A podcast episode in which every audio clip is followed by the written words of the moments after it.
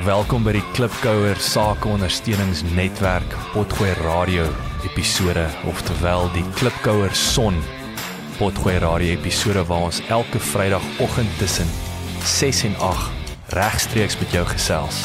Die program word in 3 afdelings verdeel, naamlik digitale bemarking en tegnologie, regsaspekte van besigheid en finansies. Lekker leer en lekker luister. Die mic is nie aan nie. Wat? Hoe kan ek myself nie hoor nie want die mic is nie aan nie. Dit dit dit. Goeiemôre klipkouers Hallo. en vriende in die ateljee. Maree, Ernest, Dewald. Ek onthou nog ek praat altyd met julle want ek ken julle. Maar ek besef nou dis soos ek daai tyd vertel ek toe, toe ek die eerste keer my webinar gedoen het, jy vir my sê Wie is jy? Wie sy sy handjie opsteek. Dis ja, kan ek Ja, eerste vraag. Wie is jy? Ek's bly jy vra. So, Jy ken my nie. Wie ken my net? Almal ken my. Hoekom ken jy my nie? Goeiemôre julle. Ek hoop julle het 'n heerlike week tot dusver. Ek sukkel, my tong is besig om te knoop hierso want ek is nog so 'n bietjie aan die bewe. Um shout out aan uh, Quentin hulle en SLC groep, Shared Services groep. Ek sien ek doen al hierdie formaliteite. Mm. Besig om 'n? Dink jy ek gaan 'n oproep kry van een van die major radiostasies? Nee. Nee. So, ek kan nie my 'n show nie. Ja, die probleem is jy is nie 'n nie? diplomaat nie. Hy sê is ek nie. Hulle vat oproep, hulle As ek maak maar nie op. maar ek is ook nie 'n sanger nie. Dis dalk 'n ander ding. Jy Weet weet wat jy is nie. Dis ja, en daar is kriteria. Ons weet wat dit is. Ja, maar dis vir die Ek hoef die groot groot groot. groot. ja, dit is ja. Die groot groot. Ja, jy stasies. goeie onderrig is die probleem. Dis goed. Wat is daai grap? groot boobs is goed, maar uh Die goeie om slim te wees is ag, nee, goeie so- ondervinding. Goeie ondervinding. Ja, Maar as jy mooi is, is dit goeter. is goeters, is die goeter. mild version, nee. Ja. Die radio version. Die radio version. Die geëdite. Hoorie maar hoe gaan dit met julle? Lekker. Ja, almal gelyk nie. Moenie vir mekaar kyk of dit 'n eksamenvraag is. Jy moet krip Maar nie. ek gesê dit gaan wonderbaarlik goed, dankie. Dis goed, maar jy lyk goed. Ek ek sien uh, jy- ek hou van jou hempie. Uh, jy lyk vir my verfrissend. Jy gedra jy met die mank, maar ja, ek kan sien jy doen. Oh, Of of, of is dit alleen? Wel, Is ek ek het gewonder hoekom is almal so stil? Ja, jy weet by die ek- mank, is almal besig ek om te Sondag. dis ek- Nee, Is almal besig om te Ek Sondag. gaan vir die tigkomitee moet verskyn by die klooster. nee, ek, ek, Dis nie lekker om met- oor mankmout met 'n bablas te praat nie. Ja, my nie onnodiglik steen nie. nee, as, as ek nou moet eerlik wees, ek uh, in, in terme van dat ek dink ek um, ek is strikt, maar ek dink um, ek dink daar's goeie wat ek nie in plek het nie. So weet jy van die oggendroetine weet daar's 'n paar goed ek my journaling nee. Ek weet nie dit dit voel nie vir my dat dit effek is so ek doen dit nie. Dis maar jy het laas is dit is regtig vir my interessant, nê, en ek nou nie om jou te piek nie, want ek dink ons elkeen het het Achilles heel en dit was vir my interessant jy laas jy het gesukkel om te journal. Dis asof het- nee, so dis nou dis jou een van jou Ja, maar uitdagings. Ja, maar uh, miskien is dit een van daai dinge is uh, jy moet net weet ek wil sê dis die willpower push deur tot op 'n plek soos om te draf, nê? Nee? Ja. Ehm um, dis ook Jy bedoel as jy baie pyn, jy het nie jy het pyn as jy draf so maar- dan nee, druk jy deur. draf, draf is moeilik in die begin, maar maar eers kom jy agter hoor die maar hier is nou lekker. Yes. Ek onthou met die 75 dae hardloop, ek moes elke oggend dit ek moes daai um, Ja, en jy like nie, ek weet jy like die hardloop. Nee, dit maak my moeg. Sweat en stuff. Ja, dis nie lekker nie. Maar maar ek dink wat wat ek kon daar agterkom eventually draf is nou lekker, weet dit ek is ek raak nie meer moeg nie. Yes. En met journaling het ek nog nie daai uh, euforia of ek weet nie wat is dit wat ek moet wat ek kan sê okay, cool. Hierdie dis nou ek, ek Dis- weet nie wat om en en is interessant dat vandag se gesprek rondom measurements en goed is- Measurements is gaan. wat ek ek weet nie wanneer gaan ek nou weet dit is amper al partytjies soos meditating en sê doen dit vir altyd ek "Ah." ek is ek nou daar as ek nie daar nie ek weet nie Dis 'n kom ek sê jou wat om om by die journaling en ek hoor wat jy sê want ek kan nie sê ek skryf en dan skielik as ek klaar geskryf is dan sit soos 'n goeie oefensessie. Dis nie nou skielik is 'n lig en al hierdie wonderlike alles is uit jou idees nie. kop uit nou sit net lig Wat ek wel agterkom is hoe baie ek skryf effortless. da, da ek ek begin agterkom ek begin al hoe makliker 'n bladsy in 'n half vol skryf. Daai is vir my so daar is 'n mate van vloei mm. wat ek sien in hoe vinnig ek wel hoe klomp hoe baie ek skryf effortless. So daar's definitief iets wat evolve wat dit dan betref. Ja, is net jy wat koud kry. Wel, gaan jy hier kon aansit? Wil jy mal wees nie? Wel, dis wat ek wonder. Sit hom, sit hom op 26 asseblief. Ja. want ehm um, ek meen die die die snaakse ding eintlik die hele is dat as ek nou dink aan the artist way waar wat so 'n cult following het en daai hele ding wat vir skrywers en kreatiewe mense om uit writers block uit te kom en waar die hele idee van morning pages vandaan kom. Ek meen daai boek voel vir my hulle hou net aan en aan praat oor morning pages. Jy weet soos get the point, doen dit. Jy weet skryf Ja. drie bladsye, maar die idee is skryf want jy's veronderstel om eventually soos die wind te skryf soos Jacques sê jy jy die, die, jy van jy begin galop jy weet en jy jy het jou stride eventually. Maar soos eintlik van jy nogals funny dat jy weet jy dit laat my dink aan daai pel van my wat gaan stap het in die Drakensberge alleen toe hy op 'n moeilike tyd van sy lewe was en hy het soos met om veilig te wees toe sit hy hy het met night vision daai goggles het hy in, die nag gaan stap vir R1. veiligheid. Ja. Attitude R1 attitude. En toe en hy sê want hy wil bietjie gaan dink het oor goeters en toe toe, stap stap stap hy tot op 'n punt kom toe besef hy hy het nou klaar gedink.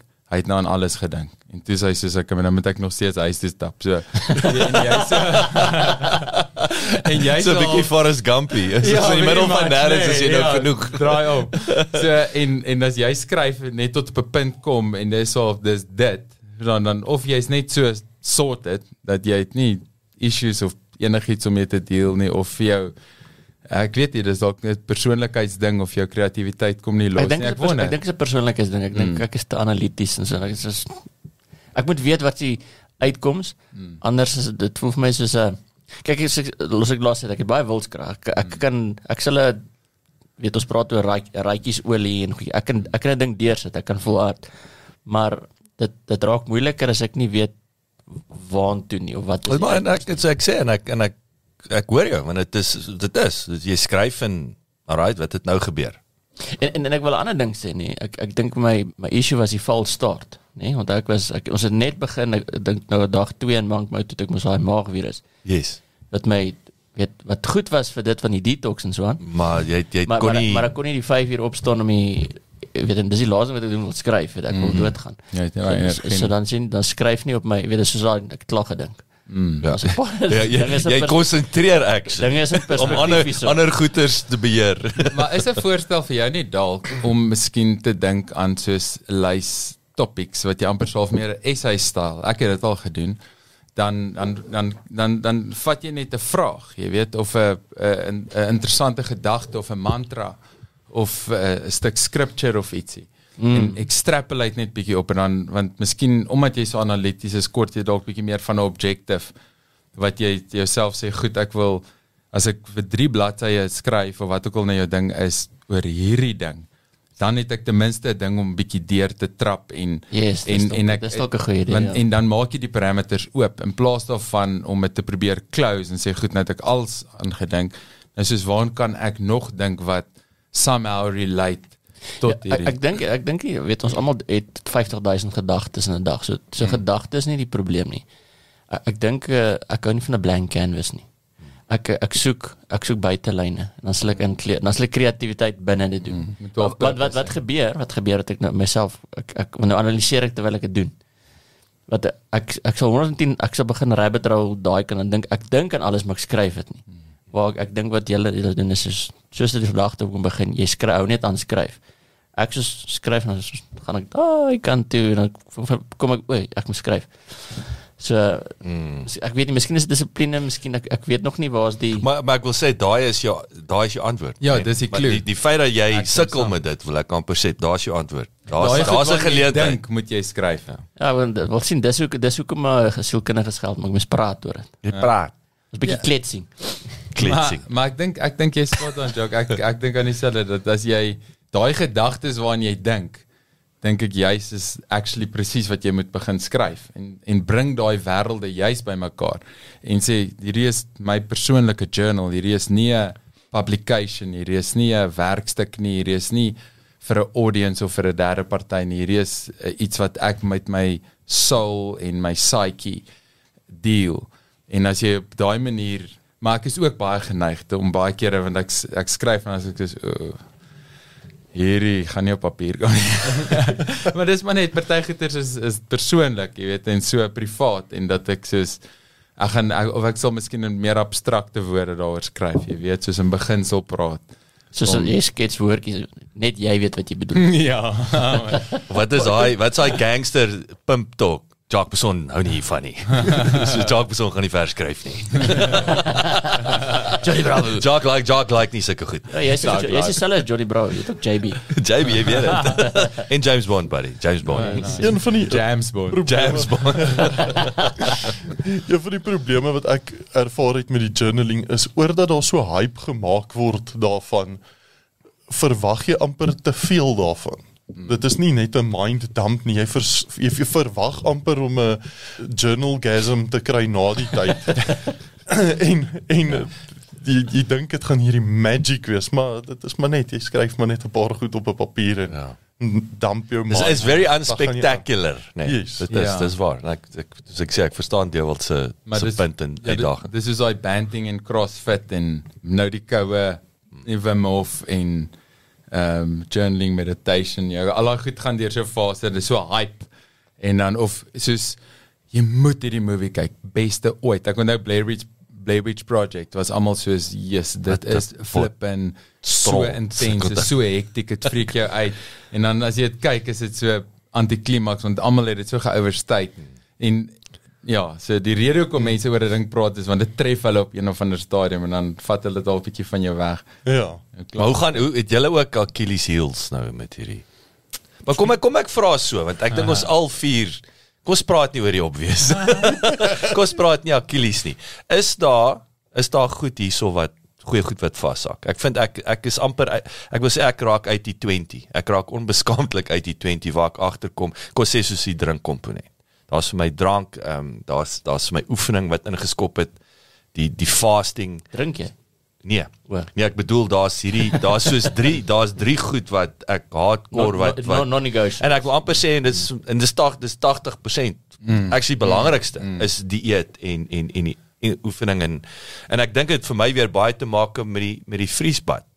Mm. Dit's asof daai is 'n anker dissipline. Ek sê vanmôre vir Ernest, ek het gister en ek kan nie onthou wanneer laas dit gebeur het nie. Ek is nou 21 dae in 'n ry. Maar hulle sê 21 dae is wat jy nodig het om my om om om die ding is en ek party daar's ek twee keer daarin.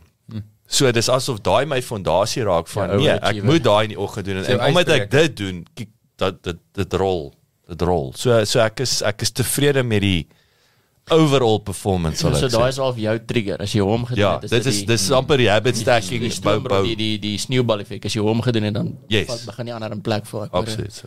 Ja, ek dink ek het ook maar so 'n bietjie so 60-20 approach. Right? oh, snap. Wie nou net tyd kom nie. Die af- Gangster accounting. Ek dink die, die twee goeters wat vir my goeters is wat ek mee wil stiek en en dit deurdruk vir vir heelwat langer is ek hou van die fasting. Dit dit is vir Ja. my nogals lekker. Ja. Ek geniet dit. Dit maak ook my lewe ehm um, eenvoudig. Soos soos wat jy laas gesê het van kl- klomp van die biljoenêrs trek elke dag dieselfde hemp aan wat hulle wil nie heeldag dink oor wat hulle gaan aantrek nie. Ek hoef nou nie te worry oor wat gaan ek eet deur die dag nie. Mm. Dit is nie 'n probleem, dis 'n probleem uit die pad Die uit. eet die eet niks. Die eet niks, ja. Die eet ja. Ehm In 'n geval so so daai is vir my lekker. Ehm um, hoef nie in die aande te dink wat moet ek nou inpak vir werk of wat ook al net ek druk hom deur vanaand toe. Yes. En dan die ander ding is is die slaappatrone. Ek geniet dit nogals om in die oggende vroeg op te wees. Ja, eh, dis dis definitief. voor die son te hoog sit as jy aan die gang en dan in die aande om in 'n relatiewe goeie tyd te gaan slaap. Dis die twee wat vir my Yes. wat vir Is my jy goed met met screen time uh, in die aande? Soos of is dit jou ooit 'n issue? Nee, dis nie so Ja. groot issue nie. Is dit nee. vir jou, Jacques? Want Ja, ek het eh, onthou die my grootste uitdaging is dis my werk. Jy weet so daar's nou sê ek nie daardeur dis altyd net werk nie. En en en dis actually maar swak verskoning want om nou skielik na kliënte se se sosiale media bladsy te kyk soms ek het nie nodig om comments te maak of om ou te ban en te delete half 10 nie. Mm, ek ek kan dit môreoggend ook doen. So daar's 'n mate van 'n 'n gewoonte. En ek moet bieg, hierdie het my baie bewus gemaak dat my oë is moeg en ek raak amper gee, amper soos 'n robot. Ek vat die foon en ek gaan en en ek kyk en ek en soos hang maar luister ek ek hoef nie te kyk nie. My oë is moeg en wat doen ek? Is amper ek gooi amper die selfoon mm. jy weet. Maar dit is nie so maklik nie dit is so maklik nie. Daar's definitief 'n ja. uh, onttrekking daar ek sien maar Ray doen baie goed met die screen time want ons online skaal games kyk hy so elke tweede dag 'n stukkie. Solank ek so, moet dink maar ek besef ek's ge hy het gaan Google om te hoor wat kyk by die volgende skuif is. hy reik die laaste 3 skuwe uit yes. solank as moontlik. Ja nee maar dit is nou regtig daar Nee. Nee, ek het, dit is actually ek ek het nie jou gevra om op die spot is dit per se nie. Ek is meer soos ek het dit suspek nie, het nou nou iets van dit genoem. Mm. Die ene week vrou, gaan dit met ons? Ek ek ek was soos ek wil antwoord dan ek heeltyd so of yes. Vorige keer was ek laas jaar het toe ons dit gedoen het, was ek 100% committed en so aan hierdie keer nie so nie, maar ek het ook so 'n paar hoofgoeters, maar een van die goed wat actually 'n issue is is screen time en ehm um, en flip en skaak. Ek het laat sê nou as ek flip en addicted aan skaak, ek wil van Call of Duty afkom op my foon. Nou as ek op flip en skaak van alle dinge, wys jy net anyways. Maar daarom goeie, dis daarom goed. Dis daarom konstruktief. Dis goeter. Dis goeter. Dis goeter. maar nou uh, besef ek net dat dit is vir my met slaap. Want nou is dit soos net nog bietjie nog bietjie nog bietjie nou is dit 10, nou is dit 11, nou is dit 12 uur. En nou ewe skielik is daai vroeg opstaan 'n flippend groot issue. Want as die wekker af en ek kan seker opstaan myself push, maar dan as ek so flippend moeg, dan slaap ek nou so laat as wat ek moontlik kan, miskien net so 15 minute ekstra in die oggend, maar dis glad nie wat dit was nie. Daar daar was glorious tye wat ek so vroeg op was en mm. ek op die stoep was in die oggend die son sien opkom en dan me time. Dit is nogals lekker. Dit, dit is 'n magic tyd daai daai ja. oggendtyd. Ja, verseker. Ja, ek ek stem saam met met julle daai. Ek dink as ek iets moet wegvat, daai is vir my die seker een van die grootste wenne is is die vroeg opstaan. Het ons iets hierso van die geskiedenis so gepraat van? Het ons iets? Ek sit jou nou op die spot. Ja, ja wel, ek dink die een ding wat ek nou-nou gesien het, ek so vinnig kyk was dat ou ehm um, Robert Mugabe is vandag almal almal se gunsteling ja, diktator. Ja. ja, ek dink net so impakvol dit was. Hy het terug te gaan na wat toe Rhodesia toe was in 1980 uit exile uit. Ehm um, wat hy dit hy so kort tyd hierdie land opgedonder. Hy het ja wel, hy dit vanaf 1980. So is daar 'n hy het 'n goeie 20, 30 jaar ran gehad, jy weet, maar jy dink wat se impak. Dit was seker goed, jy weet in die sin van die die bevryding en daar was baie voordele in in in daai opsig, maar dit was ook aan die einde was dit maar tragies om te gesien het. Jy weet wat se devastating impact gehad selfs en en tot vandag toe. Het ek in die week sien ek weer so ou van Zimbabwe wat ek lank terug ontmoet het. Hy's altyd daar op die daar by ons kantoor en een van die ouens wat altyd daar werk soek en goeie. En ehm um, maar net weer eens, jy weet as jy met die ouens praat van Zim, dit is soos daar's nooit goeie nuus nie. Dit is dit is 'n ma, Maar nou wil ek vra daai best practice. Is daar nie weet dis al altyd 'n ding leer uit jou foute uit en dan sal leer uit ander se foute uit. En hmm. en weet daar word baie gesê Suid-Afrika is die nexum. Hmm. So, men is daar nie best practice om daar te van se luister die kerels, daai blueprint werk nie. Ja. Ek weet nie. Ja. Dit is kom uit, dis 'n baie interessante kos weet en ek wil ek wil amper sê of julle weet ek sê altyd kom ons kom ons ons weet wat die obvious is. Maar nou kom ons vat nou Rwanda as 'n voorbeeld. Ek het nou die dag, ek dink ek het julle gedeel. Ek het nou die dag weer 'n video gekyk van Rwanda. En Rwanda het onlangs, ek bedoel ons is in die 90's nê, nee, het Idi Amin nog die ouens miljoene doodgemaak. Ek bedoel behalwe dat die ekonomie nie gewerk het nie, dis dis, genocide gewees. Dis reg, ek het 'n artikel onlangs lees wat die ou vir Amor wat daar op RSG geskryf het. Mm. Toe hy was hy in Rwanda weer. En hoe daai land omgekeer. Soos byvoorbeeld, kos vat nou 'n simpel ding. Elke Saterdag maak almal die land skoon. Almal, tot die president. Ja. Jy tot die president. Jy gaan en jy stel 'n voorbeeld. Ek dink dis wat Jy stel 'n voorbeeld. Mm, da ja. die die skoene, hy's tens oor skoene. Daar's 'n uh, so die staat gee 'n Crocs, is oranje Crocs. Die ja. staat gee vir vir jou 'n oranje Crocs en dan dis waar hy mee wegspring vir paar en dan later kan hy goedkoop dit vervang maar hy hy hy's uit die blokke uit met met skoene. Uh opvoeding, ek bedoel dit 'n satelliet gelons, die die die selfoon, die tegnologie. Daar is ruggraat integriteit en ontplof. So ek wil vir jou sê Blueprint is ongelukkig ek, ek kry die Afrika sal nooit uit Afrika se foute leer nie. En en maar hier is hierdie ligpuntjies soos in Rwanda, mm. maar ongelukkig kyk en en en en Ghana, nee, daar's ons het baie goeie stories van van ek dink self Zambië to an extent, alhoewel dis om met ons boere daarin is. Maar vat nou Mosambiek. Ons ons is ek onthou my opleidingsjaar met Coke toe's ons in Maputo toe die United Nations daar aankom. Die Queen het daar aangekom by ons hotel. Dag. Oendag, Leo Schuster was daar. Toe het hulle dit was hulle hulle het Mosambiek se skuld afgeskryf. Ted Turner was nog daar. Ted Turner is die ou wat CNN begin het. Dit was nogal cool. Ons het, ons is daar in ons uh ons doen ons training in die in die in die in die in die conference room en reg langs ons staan hierdie groot security ouens. Hier staan Ted Turner en sy vrou is Jane Fonda for what it's worth. Maar anyway, daai skuld is afgeskryf en toe sit die poster child van die wêreld. Check nou wat met Mosambiek gaan gebeur. Okay, lekker daar's 'n highway gebou. Waar is ons vandag? Weer terroriste, is weer gevaarlik, dis weer die dinge val uitmekaar uit. So ek ja, Afrika is dit is vir my verskrik vreemd dat ons die wêreld juis nie uit die foute uitleer. Maar maar is dit nie soos met Monkmout ook? nie? Is dit nie jy het hierdie soos daai nou dit afgeskryf, jy het hierdie platform en dan moet jy vorentoe gaan en- maar dan kom mindset en en, en dan gaan wel well, let's go back to old ways because it's easier. Ja. So is, ek dink is en ek dink is met Rwanda as jy met leierskap het wat sê ek het 'n visie en ek trek ons na daai visie toe en almal koop in in dit. As as daai as jy 'n sterk leier het wat wat daai visie het, ek dink dis van wanneer jy die res optrek. Andersins Ja, dit en, en hy moet nie ge, in in 'n Afrika konteks moet hy nie gekoop kan word nie. So dit Ja. is die ander realiteit, maar ek sien nou ek sien uh Israel het, het daai wat is hy ek kan nie sy van uitspreek die vorige uh prime minister. N- net- Benjamin Netanyahu. wat- Hy's hy's terug. Ja.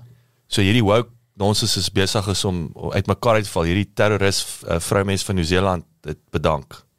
Die president? Ja, Daai- sy- daai eerste minister. Ja, daai vroumens wat Ja. ek bedoel sy se Justin Trudeau. Ek wag nou net vir Justin Trudeau om te krummel. Ek dink nie hy's ver nie. Maar dit wys ook vir jou hierdie hierdie selfs hierdie woke politicians. Jy weet die eerste wêreld wat in my opinie hulle is hulle is skelms en diktators in eie reg hoe hulle die met die lockdowns en en val Trudeau is seker 'n poster child van hoe jy vry vriendelike land soos Kanada kan opdonder met met jou Weirdness. World Forum agenda. Maar my punt is die mense kom terug. Dit kom terug. Ek wil sê na die dit het wat werk en wat nie werk nie. Ek dink veral nou, weet selfs met woke. Woke is nie goed vir besigheid nie. Dis kom Netflix het uitgeskop het Disney die hulle ou CEO. Is interessant hoe almal selfs Iger, nê, die die ou suksesvolle hy's mees suksesvolle CEO in Disney se geskiedenis. Hulle moes hom uit aftrede gaan haal.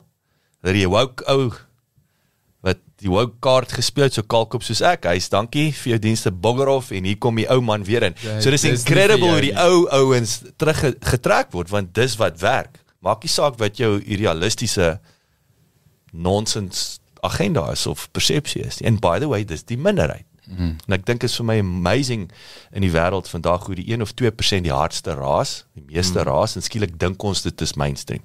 Ja. Wys jy wat goeie marketing is? Die persepsie dat almal so dink. Ja ja. Maar dit is actually glad nie so nie. So um, Ja, en um, ja, dit so daar's dis baie ingewikkelde probleme waarmee jy sit. Ehm um, maar ek ek dink wat vir my die meeste uitstaan is hierdie ding van ehm um, lead by example.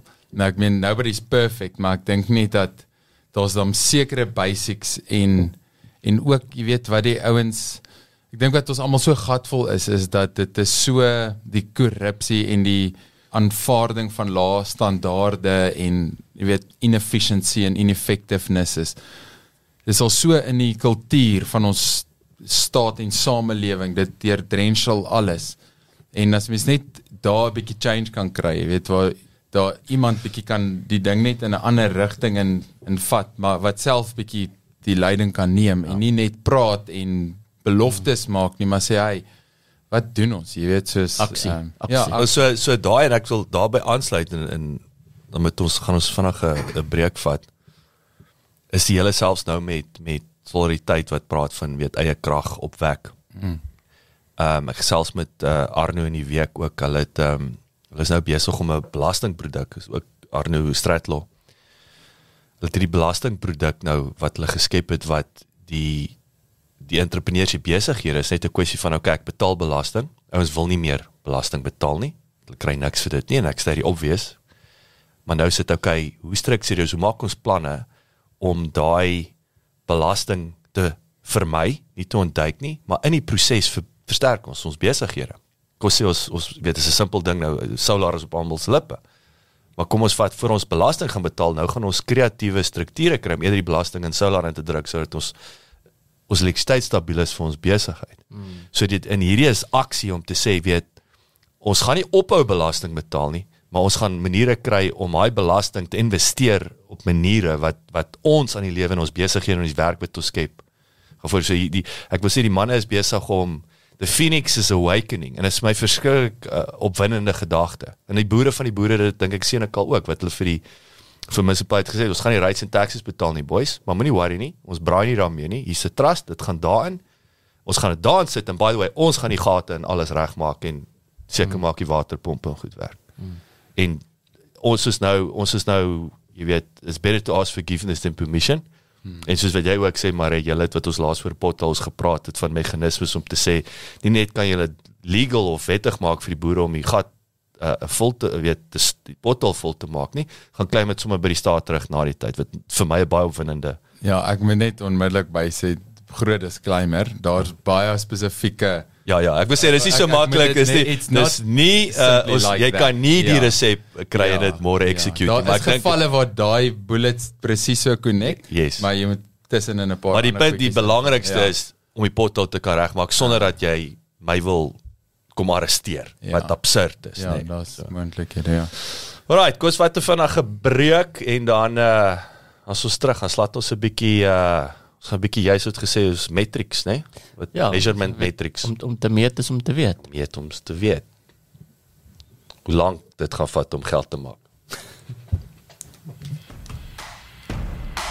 Ek het vir jou goeie nuus. Ons sal teen vanaand 6uur vandag se regstreekse program 4 episode beskikbaar hê sodat jy kan luister wanneer dit jou pas. Die eerste episode sal natuurlik die programme se geheel wees tweede episode gefokus op digitale bemarking en tegnologie, derde episode op regsaspekte, vierde episode op finansies. En onthou besoek asseblief ons webwerf by www.klipkous.com. Teken asseblief in sodat ons jou op hoogte kan hou. En baie belangrik, gaan luister na ons vorige potgoeie en toekomstige potgoeie op Spotify, Apple Podcasts en natuurlik op YouTube. En baie belangrik as jy hou van wat jy hoor, los asseblief 'n resensie sodat lekker mense soos jy ook te hore kom en uitvind van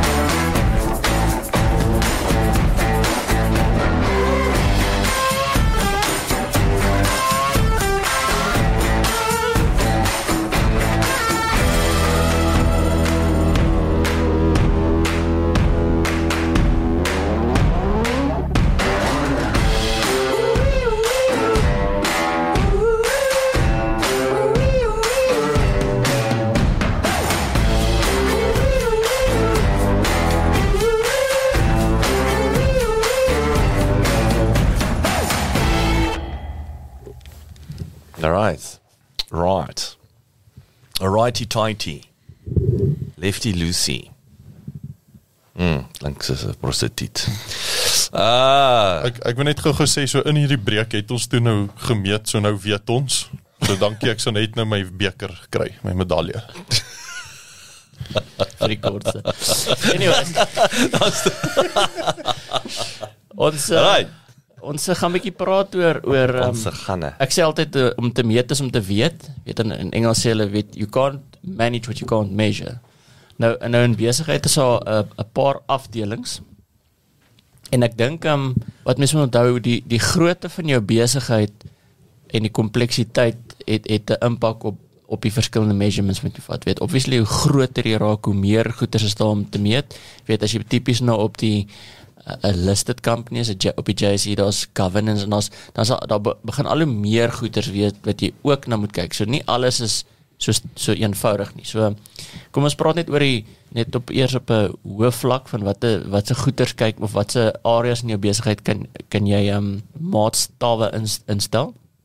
Nou logies en ons gaan dalk 'n bietjie dieper delf in dit is in jou bemarking. Is daar is daar weet in, in Engels is dit weer die KPIs, ons praat met KPIs, so jou key performance indicators. So in in jou bemarking, in jou finansie kant, finansies en in in, in jou verkope. Nou ek sê verkope en marketing is is baie baie nou. Dan kan jy ook eh, veral as jy 'n diensleweringsmaatskappy is, jou jou customer service, jy jou kliënte diens, as jy as jy baie sterk is nou met tegnologie, is jy rondom jou IT, is daar is daar KPI's wat jy moet wat jy moet kyk na en en veral oor ek vat in die groter corporates nou security, cybersecurity is 'n groot ding. So dis amper half of dit van die operasionele goed oorvleuel dat daar so fokus op op sekuriteit dat dit van die measurements daar word meer tyd aan dit gespandeer as as van die ander goeters. Dan in jou human resource, jou menseverhouding, as jy sê weet, dit is weer eens as jou jou maatskappy moet groot genoeg wees, maar al is hy nie so groot nie, is dan nog steeds weet ek- kom ons vat nou hierdie afdelings is mense sê dat as jy dan nou maak seker dat jy in elkeen van die afdelings dan net 'n oorhoofse measurement het. Ek, ek sit altyd en dink as jy dis ook hulle dashboards nie, maar ek nê, as jy nou kyk in jou kar, weet jy het nie jy het nie duisende weet jou kar hoef nie te lyk soos 'n soos 'n vliegtyg in terme van van al die instrumente nie. Maar maar daar's daar's 'n paar key goed as jy wil weet hoe vinnig jy ry. Ek wil sê ref counter deesdae is nie meer so 'n issue nie. Jy wil weet hoe vinnig jy ry en ek dink die belangrikste is is die ek wil noem die die warning lights is om te weet luister daar's iets fout.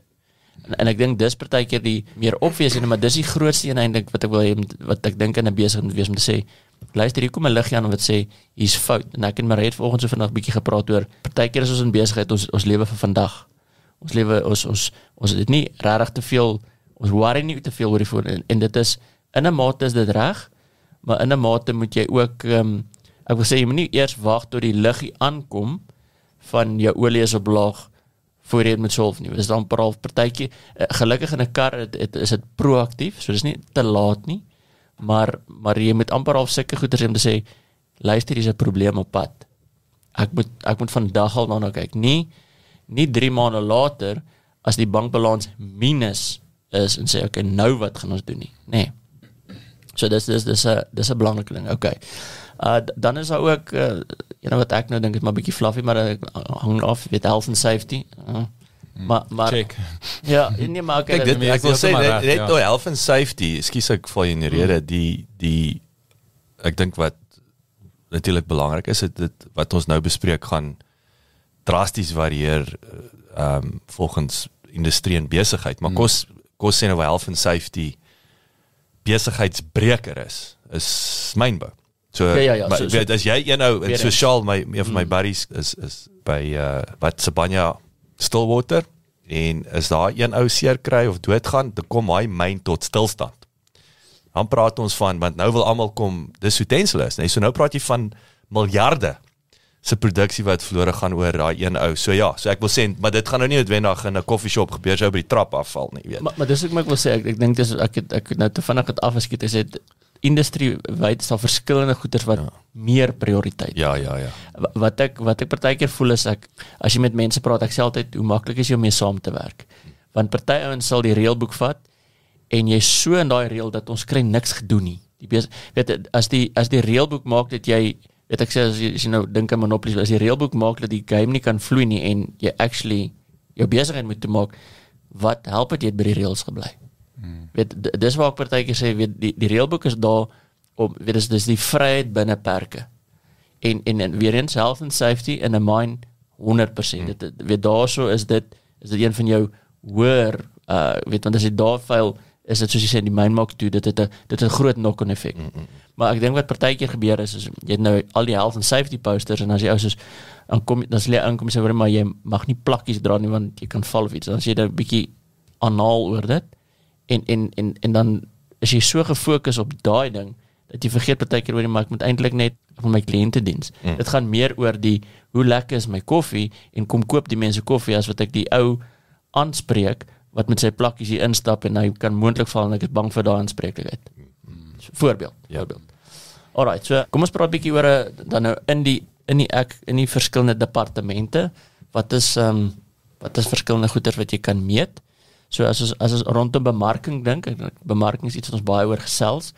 Weerens dit hang nou ook af van jou besigheid eh, want as jou besigheid meer digitaal en e-commerce driven is daar ander measurements as jy eh, weet van 'n van 'n verkope perspektief weer meer eens direkte verkope is daar is is gaan jy meer sales sales measurements hê in, in jou verkope en jy gaan en jy gaan jou mense so meet. So ek dink weer eens is dis perspektief so in elke afdeling kies vir jou kies vir jou een of twee. Van van die en moenie moenie net een net random kies nie. Sê wat weet jy met ek wil weet die terugvat strategie. As jy van bo begin na onder toe in jou strategie waar gaan ek my besigheid heen? Hoe pas hierdie measurement in die groter prentjie in? Want ek ek kan byvoorbeeld in bemarking ons praat altyd van wat meet jy? Nee nou jy kan nie net sê okay ek het 10000 likes gekry kan ek sien of daai bemarkingselement gelei het tot 'n tot tot die verkope van iets. So ek wil nou daar aansluit want ek het gister hierdie gesprek gehad dat ehm um, daar's daar's een hartseer realiteit van alles in matrix. En ek kom terug na wat ek altyd sê dit gaan daaroor wat daai persoon wie het sy jou internal jou interne kliënt of jou eksterne kliënt se Kersfees bonus bepaal. So kom ons vat nou like. So die gesprek wat ek gister gehad het is 'n sekere non-profit organisasie wat ons almal weet wie hulle is.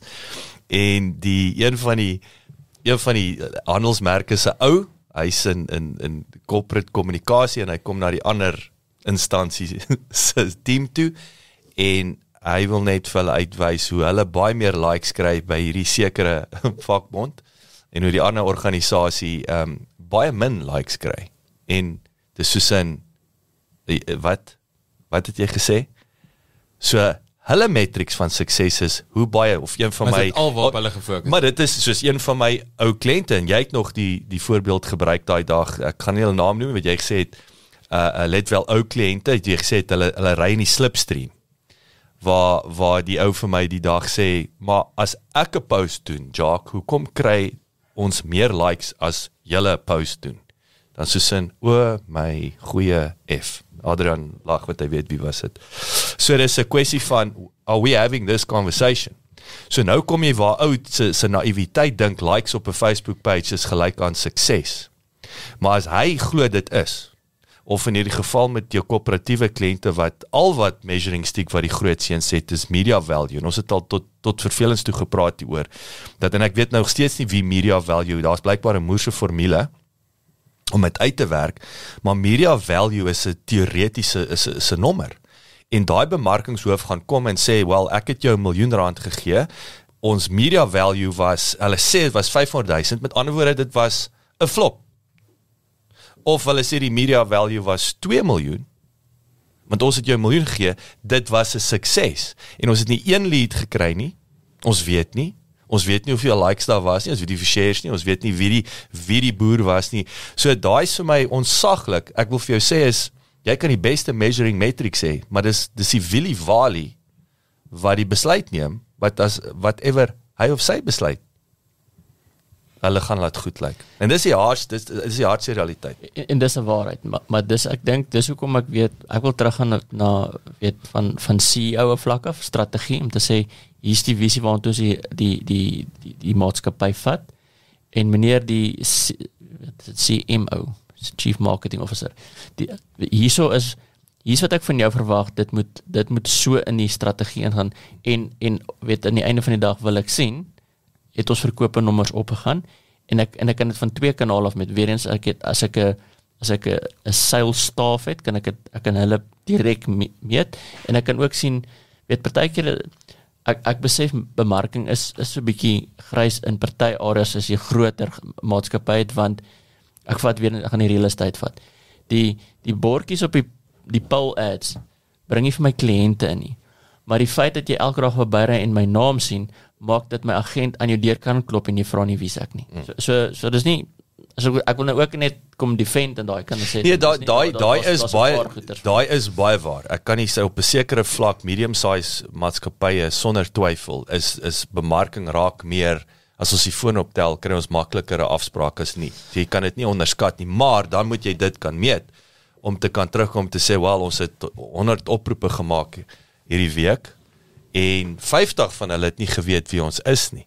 Dit kom weer terug en dit gebeur nie meeste van die tyd nie. So dit kom weer terug na daai matrix toe om te bepaal weet hulle wie ons. En dan wil ek sê hoekom weet hulle nie wie is ons nie en hoe hoe filter jy daai daai feedback weer terug in die strategie? Nou, is daar nie ook 'n 'n punt waar mens net met probabilities werk nie. Ek meen ek weet probabilities is underlined by assumption, jy weet maar as ons nou eh, kyk byvoorbeeld ehm um, want ek dink KPIs kan probably ook dis nie altyd net goals en objectives nie. Dis ook risk, nê. Nee. Dis hoe ons daarna Ja, ja. kyk. Ons kyk na goeders uh, en en ontleed 'n besigheid en wat ook al daar binne aangaan en kyk veral na risiko. Ja, daar's objectives en goeders, maar jy moet eintlik al eers jou risiko's aanspreek en sê goed, key risks. Iemand wat in die voorportaal sterf in die hospitaal omdat ons nie betyds aandag gegee het nie Ja, ja, ja. en so voort.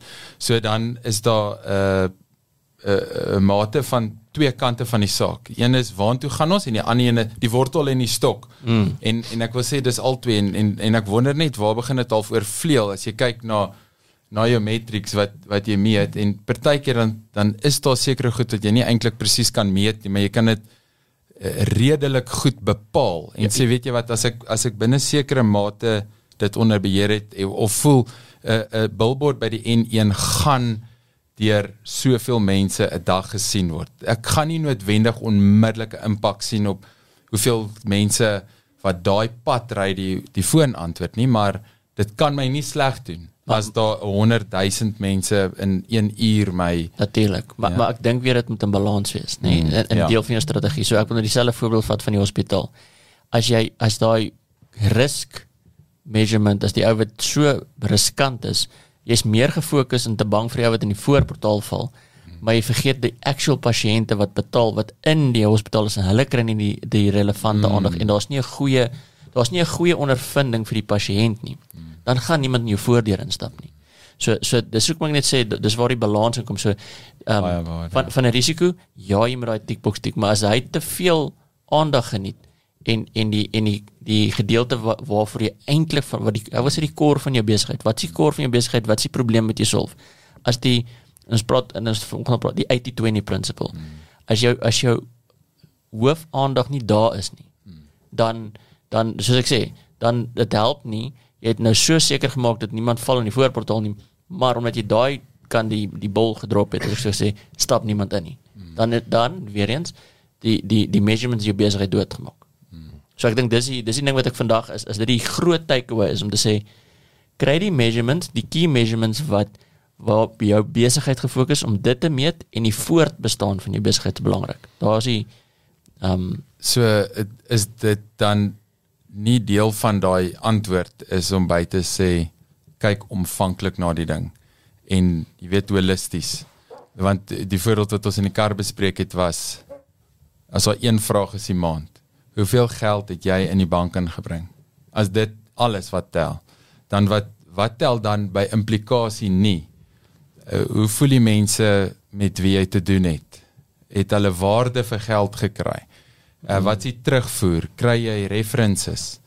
Jy weet of het jy net oral waar jy gaan net die mense gesqueeze en jy, jy want jy hoop môre kan jy dit weer doen. Want ja. dan is dit daai groot risiko van hierdie een ding. Ja, dit is super belangrik. Ja, maar, Maar- maar, maar dis is heeltemal buite kom ons proporsie, vat ja. daai in in- konteks om te sê my hoof measurement om te sê hoeveel geld is in die bank. Hmm. Maar kom ons gaan kom ons gaan in die paadjie af van hoe kom geld in die bank en ons maak seker dat ons alles in daai paadjie ook dis nie die die grootste nie. Daar moet geld in die bank wees so wat doen ek om dit te doen?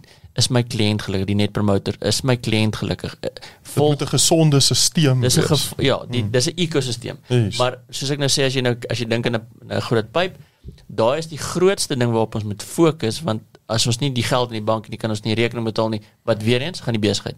Maar ek kan nie net op dit fokus nie. Ek moet die paadjie volg en sê, goed, ek moet wat is dit hoe moet my kliënt voel? Want as my kliënt goed voel, gaan hy dit vir ander mense sê. As ek hom goeie diens as ek my ek my dienslewering meet, want as ek vir hom goeie diens gee, gaan hy na my toe terugkom. Dit alles lei tot die grootste measurement tot geld in die bank. Maar maar jy kan nie net op dit fokus nie. Deel sê gou vir my so so sê nou mense het nou jou kleiner tipe besigheid so die CEO antwoord ook die telefoon en hy sluit in die oggende oop en in die middag toe. So tipe besigheid is daar 'n uh, tegnologie of of watse tipe stelsels gebruik so ou wat nog nie is 'n nuwe entrepreneur watse stelsels is daar om om die measurement van goederes bietjie makliker te maak. Alraai, dis is 'n baie goeie vraag, Ernest. So ek ek het nie voorberei vir die stelsel nie. Daar is so so kom ons kom ons kom ons vereenvoudig dit. Kom ons maak dit die, die ek wil sê die klein ouetjie chief cook en bottle washer, maar kom ons sê ek is soms 'n bietjie groter as dit, nê? So kom ons sê kom ons gaan aksie. Wat kan jy vandag doen? Moenie vaskyk en ek het hierdie stelsel, ek het hierdie ding nodig nie. Excel. Kom ons sê kom ons by Excel. Kom ons gaan oor kom ons, kom ons bespreek gou 'n paar hoofpunte. So jy's 'n klein besigheid vandag, jy het nie jy het nie baie weet jy het nie jy het nie departemente noodwendig nie, jy het mense wat oorvleuel in hulle werk. Eerstens wil ek wil ek begin by finansies om te sê geld in die bank, maar maar meer meerendeels ook cash flow.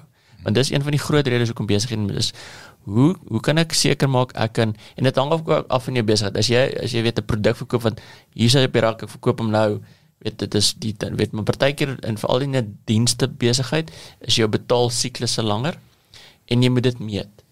So so so finansies wil ek sê om te kan meet van 'n finansiële perspektief af om te sê hier is hoeveel geld nog gaan kom wat ek moet invorder en hier is my stand van sake vandag en bietjie vooruitskat om te sê gaan ek genoeg geld hê aan die einde van die maand. Dit- dis so eenvoudig as dit op 'n finansieplek. Okay, goed. Kom ons gaan gaan bemarking gou vinnig. Bemarking kan ons baie diep gaan, maar bemarking moet jy net gaan ek wil ek wil sê jy moet besluit waar vir jou besigheid moet jy 'n kanaal kies. Ek wil sê het sy dit digitaal, Facebook, LinkedIn, jy moet sê vir my tipe besigheid, waar gaan ek my potensiële kliënt vind? Nommer 1 en hoe kan ek meet dat ek met potensiële kliënte uh aan aanraking kom wat dan lei tot okay en en hoe meet jy dit? As iemand in jou deur kom klop as iemand op die telefoon is om te sê so eenvoudig soos dit waar het jy van my gehoor? Met 'n drop down op 'n Excel spreadsheet dat en, en dis 'n prosedure wat jy vir jou reception as jy 'n receptionist het wat jy vir jou receptionist gee of vir die mense wat dalk weet ek wat 'n prokureur vir hom of 'n finansiële ou soos julle um Ernest waar jou finansiële ou as hy met die kliënt ontmoet either upfront of soms sê per toeval as deel van die ding hoe het jy van my gehoor en dit aan te teken. Mm. So so eenvoudig is dit. En ek meen dit kan in Excel wees. Ek weet dit hoef kan it can be dirty at the beginning, maar het, maar solank jy net en ek wil sê dis deel van 'n prosedure en jy me- in- instil daai prosedure van jy sekere goed wat ons meet en dis hoekom. Moenie uh, as jy ek dink dis die belangrike ding verduidelik vir jou mense hoekom. Nie die stok ek wil jou slaan as jy dit nie gedoen nie. Verduidelik vir hulle die groter prentjie van hoekom doen ons die want dan weet ons waar ons ons geld moet spandeer aan bemarking. Nie omdat ek jou wil um, seker maak jy doen jou werk nie, is as ons weet meeste van ons kliënte kom uh, met word of mouth. Hoekom? Dan weet ons ons doen iets reg. Weet daar's ook dis nie altyd net wat doen ons verkeerd en wat ons verbeter. Dan weet ons en ons moet kan ons moet dit gaan is ons moet dit dokumenteer. Veral as jy groter word, moet sê daar's iets in my operasionele prosedures wat reg werk. En en dit dit kan dalk inherent net kom want ons is nou 3 4 ouens wat net like-minded is en dit gebeur van self. Maar jy moet nou onthou as jy groter word, almal, weet ek sê is altyd common sense is not that common. Jy dink nou ons is 3 ouens wat dieselfde werk like-minded. Ons kry nog 4 ander ouens. Dit gaan dis dalk word dit uitmekaar uitval want ons 3 kyk die ding en ons doen dit presies dieselfde. Die die ander hele ander gedagte en dan dis wat moeilik is. So om te sê, dis moet jy dokumenteer, net 'n proses om te sê dis hoe ons dienslewering doen. Ons doen dit, ons doen dit, ons doen, en dis so eenvoudig. Ek sê net maar tickboxes, maar dis soos ek doen dit, ek doen dit en ek gee vir jou ook die resep sodat jy dit dieselfde doen want daar's 'n ons het die ons het die wenresep. Alraai. So dat ek net ek wil net ek wil dit upwrap hier so want ons ons ons tyd hardloop uit. So die interessante ding van en ek moet sê dis 'n ding wat ek verlede week het ons hieroor gepraat. So die shared services company SCC is ons nou besig een van die die produkte wat ons nou uitrol is is die boekhouding, is die accounting. So ons nou daar sal klaar uh, drie kliënte en ons kyk nou na drie verskillende soos ek is een van die besighede. Ons kyk na die coffee shops, kyk na 'n one man band startup. Ehm um, ons kyk na haar salon eienaar, jy weet so tipe van 'n two man, two woman band wat stockholding het. So dis is hierdie klein verskillende grootte besighede, maar hierso is die punt. Een ding wat wat ons besef het in die gesprek met die numbers persone is uh, wat is die wat is die doelwit van die besigheid? Wat wil jy doen? Kom terug na Dewald se punt toe. Met ander woorde, ek wil aan die einde van die jaar wil ek 'n miljoen rand hê of ek wil hom verkoop. Ek wil hom skuil. Ek wil 'n tweede tak oopmaak. So meeste accountants vra nie vir jou wat is die doelwit van jou wat wat is die doelwit van die besigheid. Mm. So dis iets wat ons anders gaan doen. Ons wil eers verstaan wat wil jy bereik in die besigheid. Van daar af skep ons die traffic light system. Met ander woorde, ons wil gaan kwartaalliks vir jou terugvoer gee op die key metrics, die measuring metrics om te bepaal of jy aantrek is om te bereik. Nou hierso eenvoudig soos dit en dit trek dit terug. Dit is 'n ding, okay, wat jy nie gaan sien in in 'n in 'n 'n 'n boekhouding. Jy gaan nie leads sien nie. Maar daai is mm. belangrik, hoeveel leads mm. generate jy? Kom mm. weer terug en hoe generate jy leads? Mm. Hoe lyk die pipeline? Hoe lyk die pipeline? Mm. Daar is dis maklik om dit, maar jy moet weet wat jy moet, hoeveel oproepe moet jy maak. Ek dink is so ou soos julle uh die makelaars Ernest is dis dis gaan oor telefoonoproepe. Mm. En daai is omtrent net mooi tussen die finansies en die bemarking want die finansies jy forecast tot op 'n punt en sê my huidige kontrakte en kliënte wat behoort vir my dit te gee as almal uh, geservice word en betyds betaal. Maar dan die res van daai forecast is gebaseer op assumptions en en prospects wat convert en en leads wat convert en so nee. Daai is actually brugging, ja. 'n baie goeie punt. Mm. Uh, ek wil sê jou leads is waar jou fina, jou, jou finansiële ek wil sê jou accounts en jou bemarking oor kruis, nê. Nee. Ja. Dan het jy dan gaan jy na sales kyk. Dit is good old turnover. Dan gaan jy kyk na uh, jy kan met jou payroll, jy kan kyk wat wat genereer jy per uh, werker. Die Amerikaners is lief om te sê wat is die inkomste per employee. Good old margin. Jy weet dit jy gesonde marge.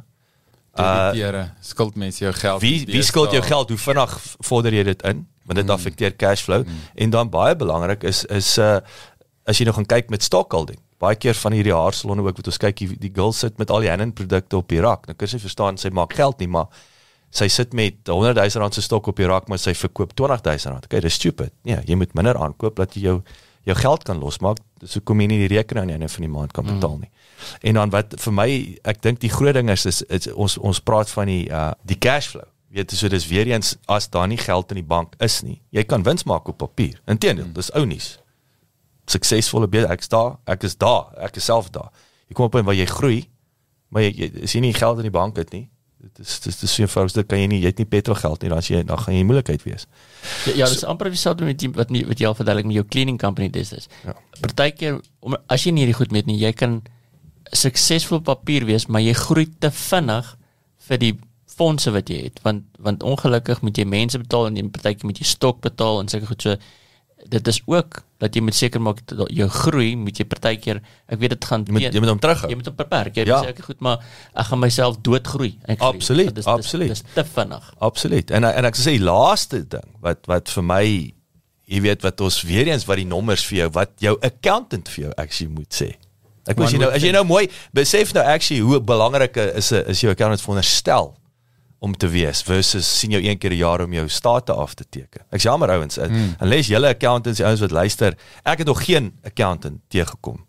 Dis hoekom ons hierdie ja. besig is om hierdie produk te skep. Ek ek wil hê my accountant moet verstaan waarheen ek gaan, hy moet my input kan gee en by the way ons gaan saam besluit wat gaan ons meet. Ja, team talk. Wat gaan ons meet elke hmm. kwartaal om seker te maak ons is ons is uh, aan trek om daai daai doelwit te bereik. Ja, ek wil dit al vernaam gee, soos soos nie die accountant nie, ek het 'n management accountant. Dis 'n management. Dit is dit is Dit help my bestuur. Hy help my bestuur. Ja. En ek wil dis wat 'n FD doen. Ek wil sê dis wat beskore is vir groot maatskappye, finansiële jou FD's is is dit. Hy het 'n strategiese overview van besigheid en ek sê wat dit is nie veronderstel om net beskore te wees vir 'n multinational of 'n groot maatskappy nie. Ons wil daai FD komponent vir die klein saakoneme bring en dit kos nie geld om dit te doen nie. Dis net 'n paar weer jy kan tegnologie gebruik. Um en dan die laaste punt en gaan ons 'n bietjie weer musiek speel is is uh, jy het ons het gepraat van uit die 20 Jy weet jy maar pas op as jy een kliënt het wat jou inkomste nou sit risiko wat maar wat jy vroeër van gepraat het. Uh die bank raak nie aan jou as as een kliënt meer as 15% van jou turnover is nie. Dan sê fragile. 20 15%. So as die bank vir jou sê en die bank is baie risk averse. So ek wil sê jy kan dalk na 20% toe gaan, maar as jy een kliënt het wat wat meer as 20% van jou van jou uh, uh omset is, is jy in 'n gevaarlike besigheid. So maar dis vir jare ding wat jy moet bewus wees van. So Jock, ek ek ek verstaan as jy wil vir jou accountant sê, jy's nie 'n accountant nie, jy's 'n ons accountant. Ek het 'n ander ek het 'n ander name gedink solank jy nie eh, maar in elk geval Ja. ons uh, ons uh, gaan 'n breek vat uh, Janet. Ek het hom andersom is dit nou Janet. Trots Afrikaans. Ons is nou terug.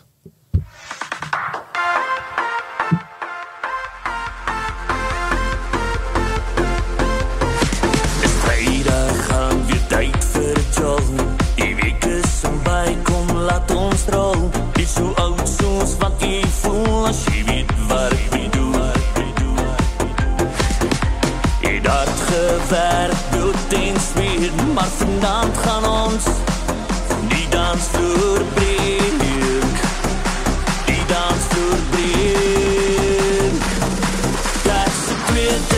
là se demandera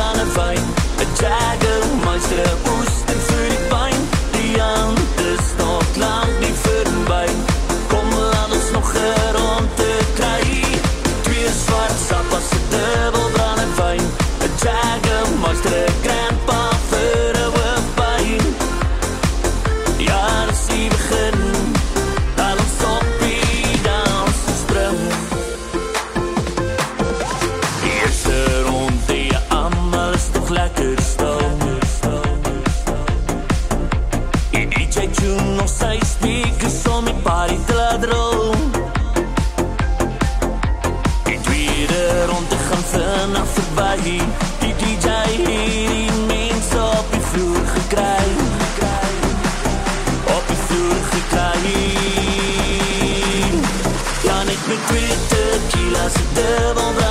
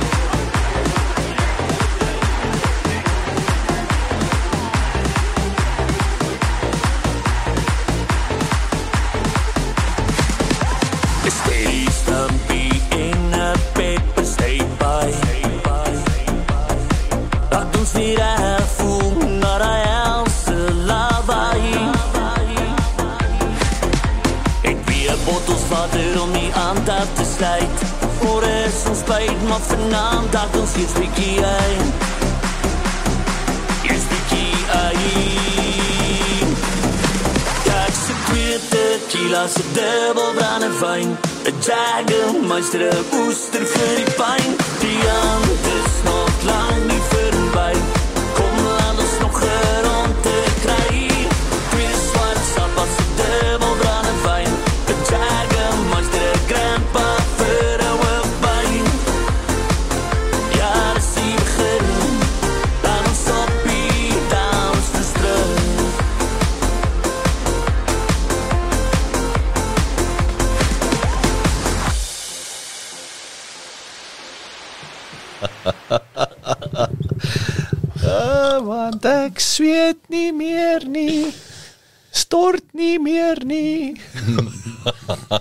Op baie ernstige genoot, maar was. Mare Dekker van Len Dekker prokureurs.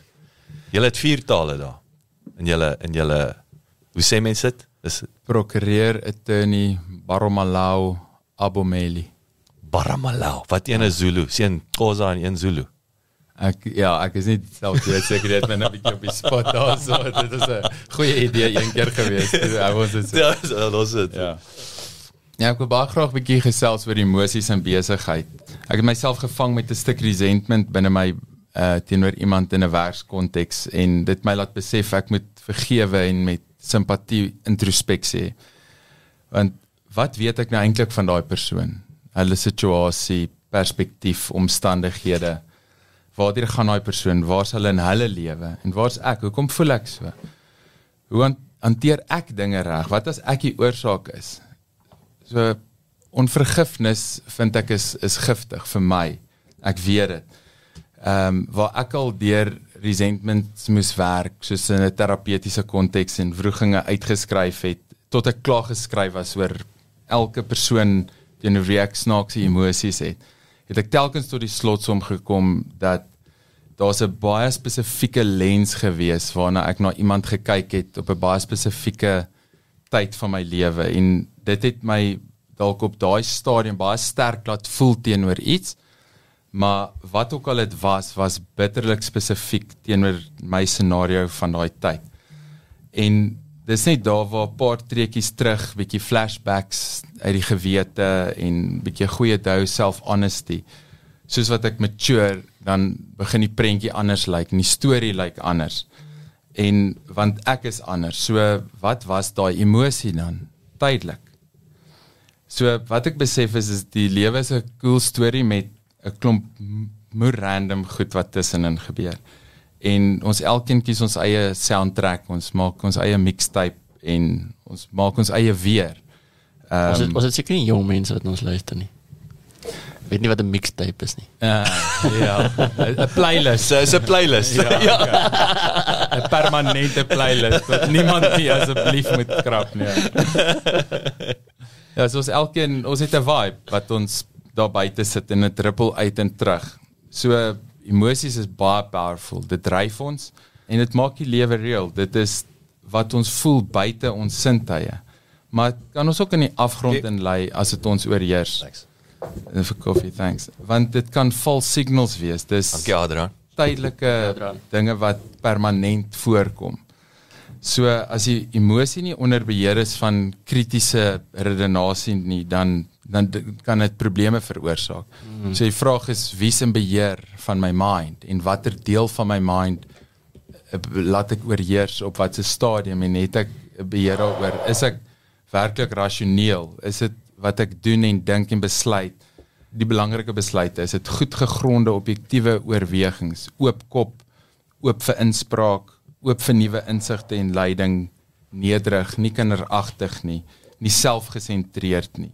Nie die weergawe is wat ek myself vertel nie, maar die weergawe wat almal anders sien.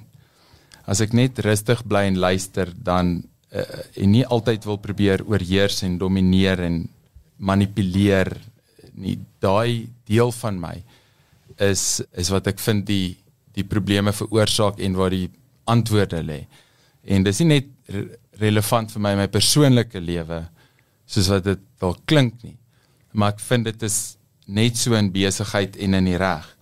Mense het wel hulle vaardighede en werkvermoë, sure, maar hulle het ook persoonlikhede en voorkeure, neigings, gewoontes, pet peeves, downsides, dark sides, seisoene, geskiedenis, 'n presence, 'n toekoms. So tot die mate wat dit regsadvies is, moenie doos wees nie, okay? wees net asseblief lekker. Wees lekker. en en dit geld vir my en dit dit geld vir almal. Ek Maar, maar ek dink eh, die die groot ding wat ons nou en ons het vanoggend ook bietjie daaroor gepraat, as jy nou as jy nou gaan dink ons dink nou oor measurements en al die goeters. Op die ou einde bestaan 'n besigheid oor twee hoofgoed. Is 'n probleem wat ek solf, wat ek wat ek vir ander mense solf en hy bestaan uit mense uit. So so partykeer ehm um, vergeet ons oor die mens. Ek was nie en, en weer eens ek wil ek wil terugvat in die kleiner maatskappy. Jy het nie 'n HR department nie. So, so wat baie keer gebeur is is, is well, let's just get on with it. En partykeer let's just get on with it. Weet, ons kan nou nie ons kan nou nie na almal se stories en emosies laat trek het nie. Veral as jy in 'n in 'n redelike groeiende maatskappy is, kom sê ek jy 10 10 10 werknemers. Ek kan nou nie elke oggend spandeer met elke een verhaal vir hoor hoe was jou gister, hoe was dit? Maar ek dink wat wel belangrik is, is om tog in te check. Is om tog met 'n metode te kan sê wat is die oorhoofse emosie in my besigheid? Is ons positief? Is ons besig om voort te gaan? Want daai is belangrik. Weet jy, daar's die daar's die op 'n individuele vlak, soos jy net gesê het, maar jy wat jy kan ook van 'n van 'n bestuur kan jy 'n emosionele ding teenoor iemand hê, maar dan is daar ook die oorhoofse emosie van hoe hoe voel die mense wat vir my werk? En en hoe ek as leier weer eens, ek wil sê, hoe beheer ek my emosies en kry ek my emosies beter sodat weet ek ek het 'n voorbeeld gehad van 'n ou wat hy het altyd negatief by die werk aankom. Hy is die ba groot baas gewees en dit is net omdat hy gestres was die hele tyd oor daai wat is in die bankbalans. En en dit het teruggevloei in die dinamika van die besigheid. So so dit het al teruggepresenteer en sê dis wat dan gereflekteer het is is die nommer op een wat dan negatief is. So wat hy toe nou gedoen het is erns het hy gaan stap in die bos of in sy berg gestap en hy tot die tot die hy tot die besluit gekom van daar hy sal kies dis hoe ek sê altyd happiness is a, is a, is a choice. Hy het gekies om gelukkig in te stap. Maak nie saak wat die wat die wat het gebeur nie. Hy het gesoek in die goed en hy het en sy besigheid het van daai dag af omgedraai net oor en en, en weet hy het erns en hy het met sy mense begin praat en die en die terugvoer wat hy gekry het was hulle die mense omdat hy hy was amper al so 'n diktator met die wat hy net soos die daai daai wat is in die bank dat die mense gedink het hy hou nie van hulle nie. So hulle was te bang met kreatiewe idees. Hulle was en, en ek dis dis die tipe ding wat ek wil sê is daai emosie van werk werk werk die besigheid met sukses. Partykeer kan jy ook smoor want nou is nou is mense dit is 'n diktatorskap. Ons is terugding in die Afrika en dit is jy mense is te bang om om ek wil sê partykeer moet jy kan uh, kritiese negativiteit as opbouend aanvaar en sê o, daar's daar's is hoe jy dit sien. Daar's geleentheid vir my om te verbeter. Partykeer kan ek net sê okay, goed, ek stem nie met jou saam nie en dit dis so eenvoudig as dit. Maar partykeer moet ek ook eens sê, miskien het jy 'n punt daar beet. Miskien want ons het almal blind spots. En ek dink dis ook ons uh, weet mentors het en mense in ons omgewing om te, om jou te help om te sê hoor jy um, het jy aan hierdie gedink of het jy hierdie situasie van hierdie hoek af gesien? Ek, ek sê altyd uh, weet ont ek het dit uh, sien dit in road rage altyd is dan jy weet nie wat die ander persoon deurgaan nie jy weet nie wat volgens in sy lewe verkeerd gaan nie hmm. so ons is te maklik ons baie selfgesentreerd en baie keer dink ons net dit gaan oor onsself en hoekom doen jy al hierdie um simpel goeters maar ons weet nie altyd wat dit in daai is wat het sy oggend gebeur nie hmm. weet uh, dis dis maar net dis moet sê wees maar net dis is nie gaan nie altyd net oor jou emosie nie besef dat um, daar's ander mense met uh, eh, met hulle bagasie ook wat inkom. So daai ek wil daarby aansluit die ehm um, net die laaste punt dan gaan ek terugkom na want ek vernes ek het vir jou vraag die is Ryan Holiday wat wat praat van anger ehm um, een van sy blogposts wat ek gelees het toe vra hy hoekom hoekom weet is wat is die probleem met almal so kwaad word. Hy sê wel is twee lerigs. Nommer 1 is jy maak af die kak wat jy aanjaag en jy reageer te vinnig op die kak wat ander aanjaag. Mm. Dis kom ons kwaad word. so en ek dink my road rage is daai. Jy jy ek het net ek het vir jou ingedruk. Weet nie eers af van nie. Hy is besig om te ontplof. Ek maak af die kak wat ek aanjaag. Mm. En ek ooreageer met die ander wat nou onskuldig net wel seker 50% van die tyd probeer indruk het, maar in elk geval. So ek wil ek wil aansluit interessant met gister sit ek ek's daar by SLC en, en ons het juist die gesprek gehad in Quinte gesitte gesels waar hulle baie vinnig ehm um, jy weet in die jy weet hier 2018 19 was hulle 40 mense, is nou dink 120 130 mense. Sure. En een van die prioriteite nou wat wat ons gaan implementeer is om om die verskillende spanne in te bring om 'n face-to-face gesprek te hê om die emosie te gauge. Mm. Wie sit te deel?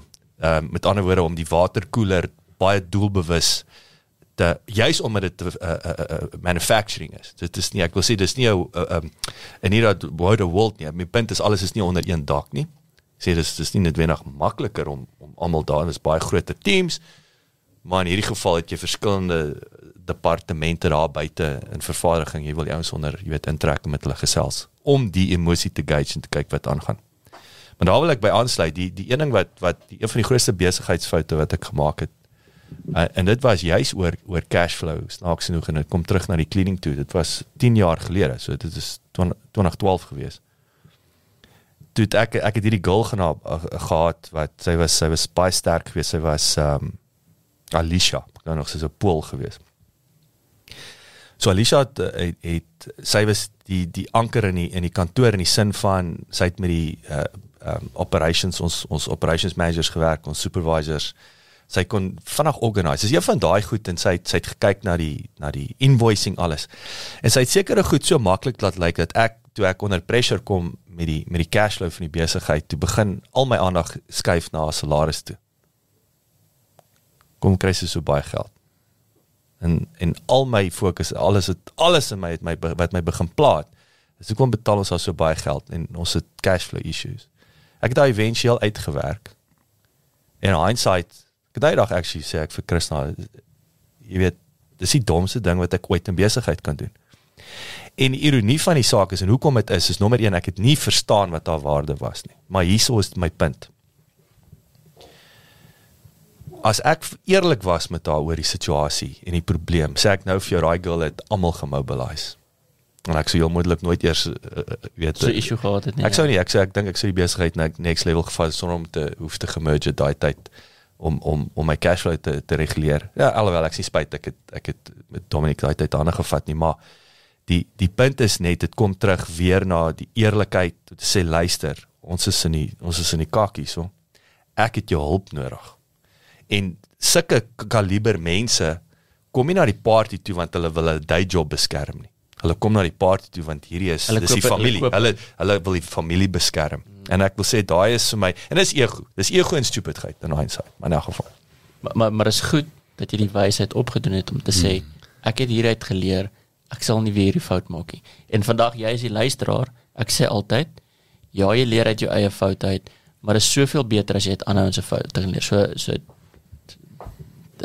meme onthou nou dat jy dit post wat Jock nou net gesê het. As moenie as jy gefokus het net op daai kers wees wees bewus van jou mense wat sterk is en ek sê altyd ek kry die A players. Moenie bewus wees van hoeveel hulle betaal nie. Wees bewus van wat hulle vir jou inbring en sê eerder waar kan ek en ek wil amper al sê dis so maklik maar so moeilik ook maar is dit is dit nie so maklik om net 'n fokus en kan ek net nog kliënte inbring? Is dit nie dat party dis nie altyd die antwoord nie so in cleaning was Ja, dit was glad nie ons Ja, ja. probleem. dis hoe ek sê dis nie dis nie in alle gevalle nie maar partykeer kan is die antwoord net in hoorie laat ek eerder my aandag dat ek my fokus verskuif na van hier na daar want mm. want jy het hierdie eie player wat beteken as jy net nog besigheid of net nog iets anders gaan doen gaan daai persoon net soveel meer daai daai waarde verhoog eksponensieel meer as jy net 'n ander trigger gaan trek Wat is jy voor jy voor jy so jy praat die hele tyd. Bly net 'n bietjie stil Ernest. Ehm wat is jou en so Ernest se se se besigheidsvernoot is is ook 'n jock. Mm. Obviously het, het jy smaak. Jocks maak. Jock smaak. Wat is julle ek wil nie sê geheim nie. Wat is julle resep? Want julle twee ek het julle ek het nou dag met 'n skok besef. Ek dink ek stap al amper 'n 4 jaar op pad met julle, nê? Nee? Ja, dit is dit is al Dis al lank. rukkie. Maar julle het van die begin af het ek net hierdie magic gesien in julle verhouding. Jy dis asof julle julle komplementeer mekaar. Wat doen? Harmonieus. Daar's harmonie. Wat wat werk of dalk laat julle dit lyk of daar is. Ek spot nou maar wat is julle resep? Wel wel op die HR deel wil ek dit gou so so ek dink ons HR model werk goed. Ons is die HR, maar in die besigheid, ons het nie 'n HR afdeling nie. Maar ek wil ook net so vinnig sê net nou het 'n Deewald gesê jy moet in touch wees met hoe die mense voel in jou kantoor. Maar as jy weet hoe elke persoon in jou kantoor voel, gaan jy 'n HR probleem hê. uh, nie aan hulle voel nie Ernest Ja ja. So ek wil net duidelik Skus ek net mooi verduidelik Ja nee, daar's 'n ander voel emosie gewys. nie fisies. Ja, moet glad nie aan hulle voel nie. Ja, so, so ek wil ook net maar net dis die wet. so jy weet hoe almal in jou kantoor voel dan. gaan nou jou besigheid nie lank Dis hou. nie. goeder. Dis goeder om te goeder.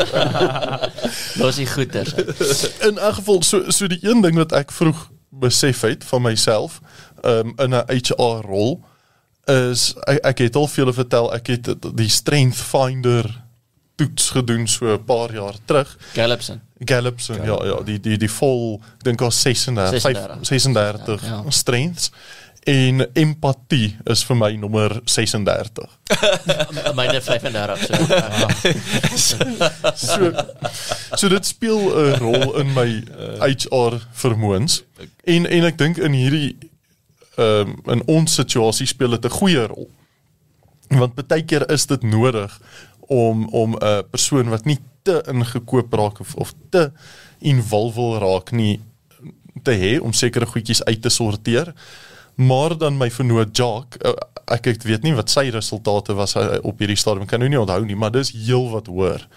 Hy is die ou wat dis vir hom maklik om lank te luister en en regtig di- dis nie vir hom moeite om dit dit kom vir hom natuurlik. So ons het so 'n bietjie van 'n good cop bad cop Ja, situasie. net dit sê ja, good cop, bad cop ja. Ja, en, en dit werk. Ek meen die bad cop word baie min gebruik. Maar ehm um, hy het hierdie week een keer bietjie ingetree en en dit is vir my lekker. Dan kan ek weer so maand gaan. Dan voel ek ek het jou- jy het jou shot. dan het ek Jou nou so jou, jou shot gekry. Jy het Ja. 'n safe space vir dit. Dit dit, dit kom nie, dit is nie wie jy is nie. Dis nou en dan dan wil jy 'n punt oordra of jy wil graag 'n bietjie balans in iets inbring. Dis Ja, nie om ja. te domineer bloot en Maar dit kom natuurlik. Ja, Dis nie, dis nie vir jou moeilik om dit. Dit dis nie oor vir my die- moeilik oor, om daai- empatie. om om my switchie aan te sit.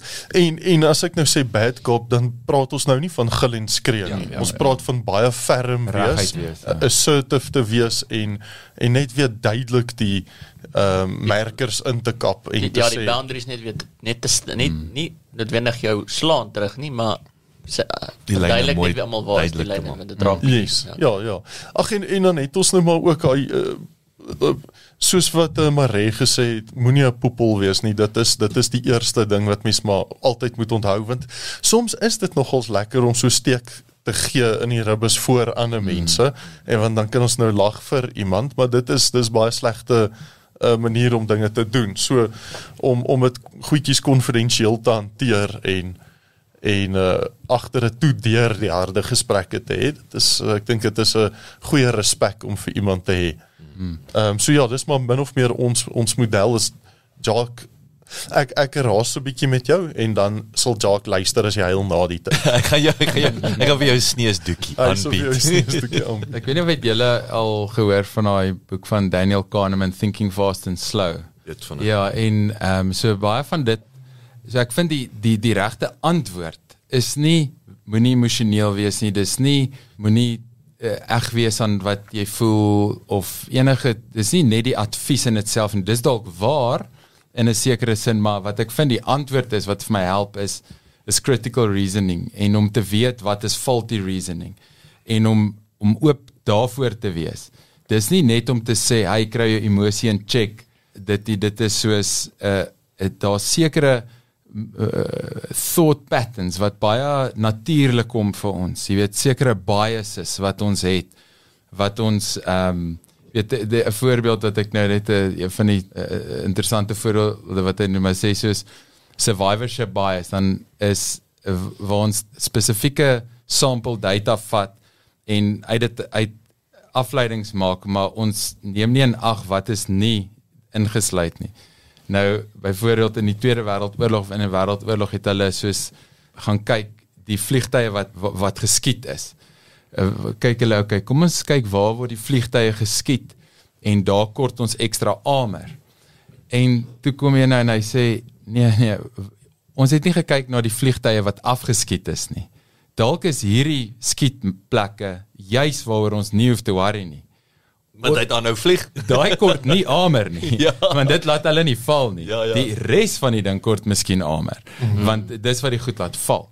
En sulke Like tipe jy weet dit is a, net 'n voorbeeld van van 'n reeks faulty reasoning en ek dink om net daai patrone te kan identifiseer en om wanneer iemand op daai vlak inspraak gee net te weet wag hier is nie 'n aanval op my ek het al daai gevoel gekry. Dan as iemand net vir my 'n ding wil sê hoorie hoekom het jy daai gedoen of wat as hierdie gebeur? Dan dan vat ek so 'n fence en ek soos ek wil nou vir jou wys hoekom dit is hoe ek dit daaroor dink en ek wil nie eers jy moet daai vraag vra nie. Dan besef ek man dis dis net 'n vraag en en dalk wil ek nie met die antwoord deel nie. Dalk sit vir my ongemaklik jy weet en dis hoekom ek nou so so sterk daaroor voel en dit is die tipe goed wat dan eventually wanneer dit mense net 'n bietjie meer objektief daarop re reflekteer en laat reflekteer. Bietjie rustiger bly mooi luister. Ehm um, ja en om net weer die te reiterate dat die uh, relevantie daarvan in besigheid en in law is dat dit mense se besluite word baie dikwels gedryf deur irrasionaliteit en deur goeters wat nie werklik werklik die beste in daai scenario is nie, maar dit is so 'n sterk gevoel. Dit is so oorweldigend. Dit voel so reëel. En dan uiteindelik dan kan dit maak dat daai vuur en vlam of die donkerte, jy weet wat jy noem of iets dat ehm um, of 'n persoonlike gevoel teenoor iemand miskien uh, in 'n 'n reeks swak besluite kan inlei, ehm um, finansiëel, tyd, energie, uh so aan en en ek dink dis maar net gesond veral wanneer ons in hierdie tye is ons verskriklik baie druk en ja dit gaan ergens uitpop Ja, so so, so ek sê altyd um, weet dit is da, van 'n reg verkeerd is weet ek nie maar en dit dink dink ook my empatie so laag op die wat ek sê as jy wil sê hoe jy voel dan sê ek maar gaan sit rukkie stil tot die gevoel oorgaan. ja. Maar nou dat jy praat van die biases, ehm um, dit is iets wat ek by my seentjie geleer het as wat nog 'n klein babietjie is want ek moet hom vrek baie sis en ehm um, maar is dit boetie nie? Die wat? Is dit? maar in elk geval ehm um, baie boet, nie baie sis nie.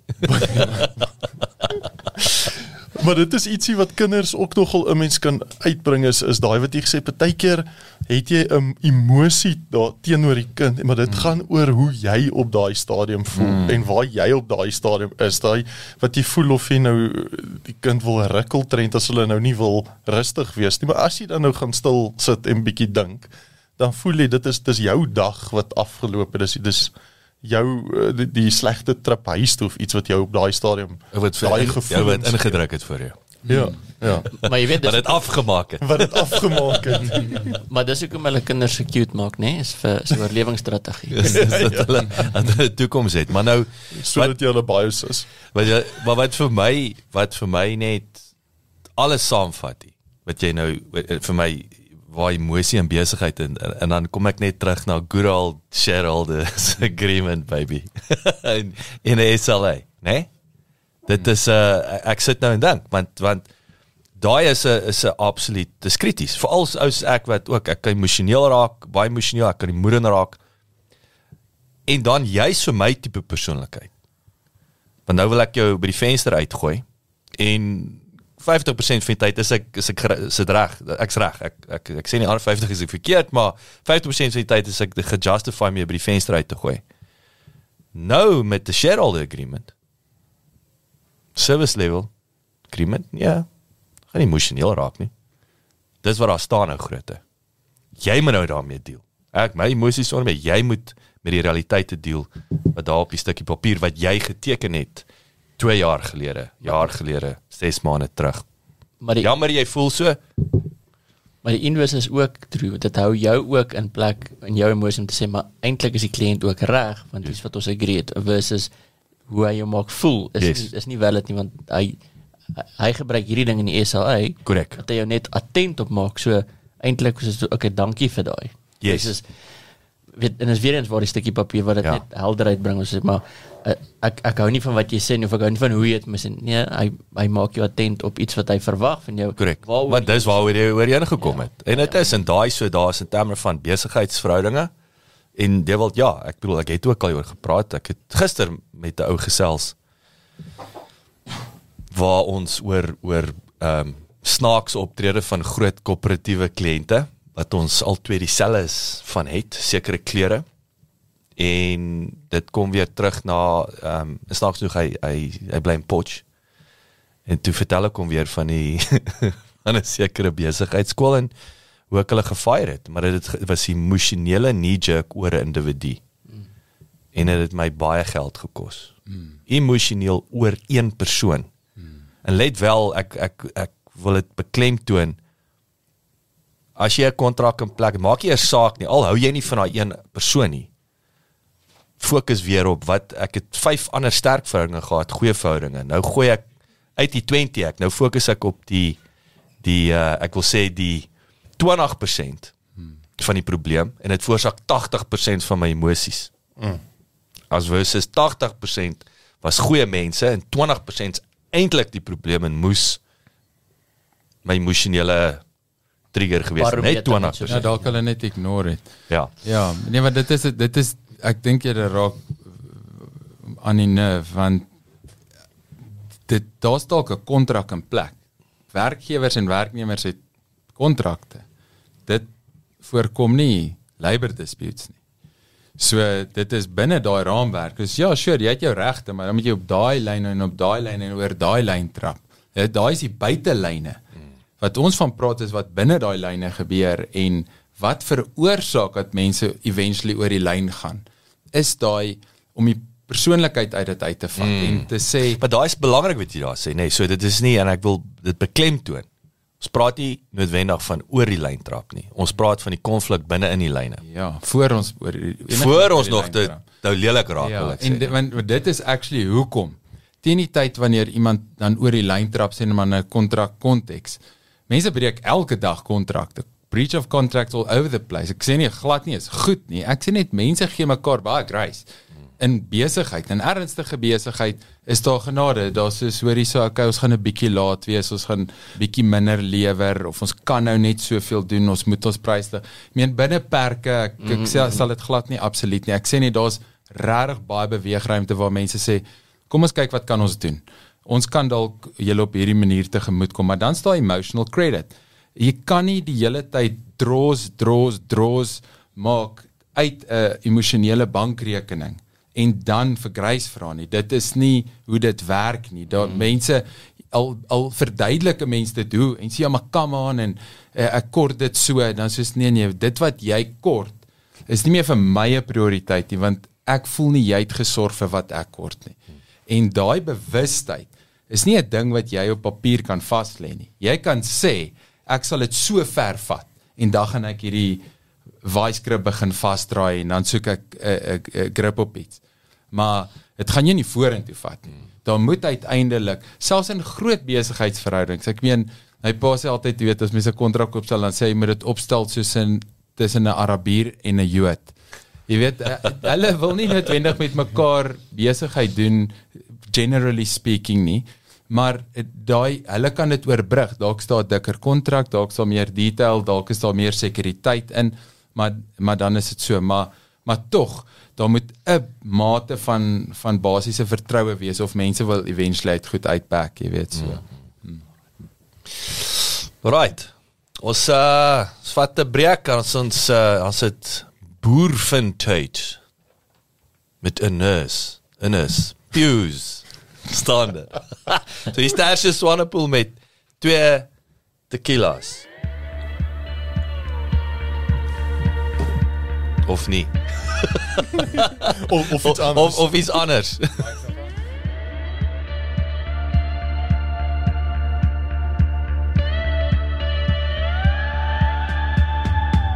Hoe kan ek hierin glo?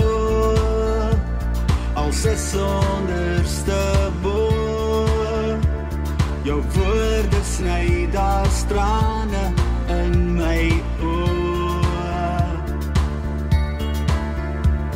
Die skare teen die muur.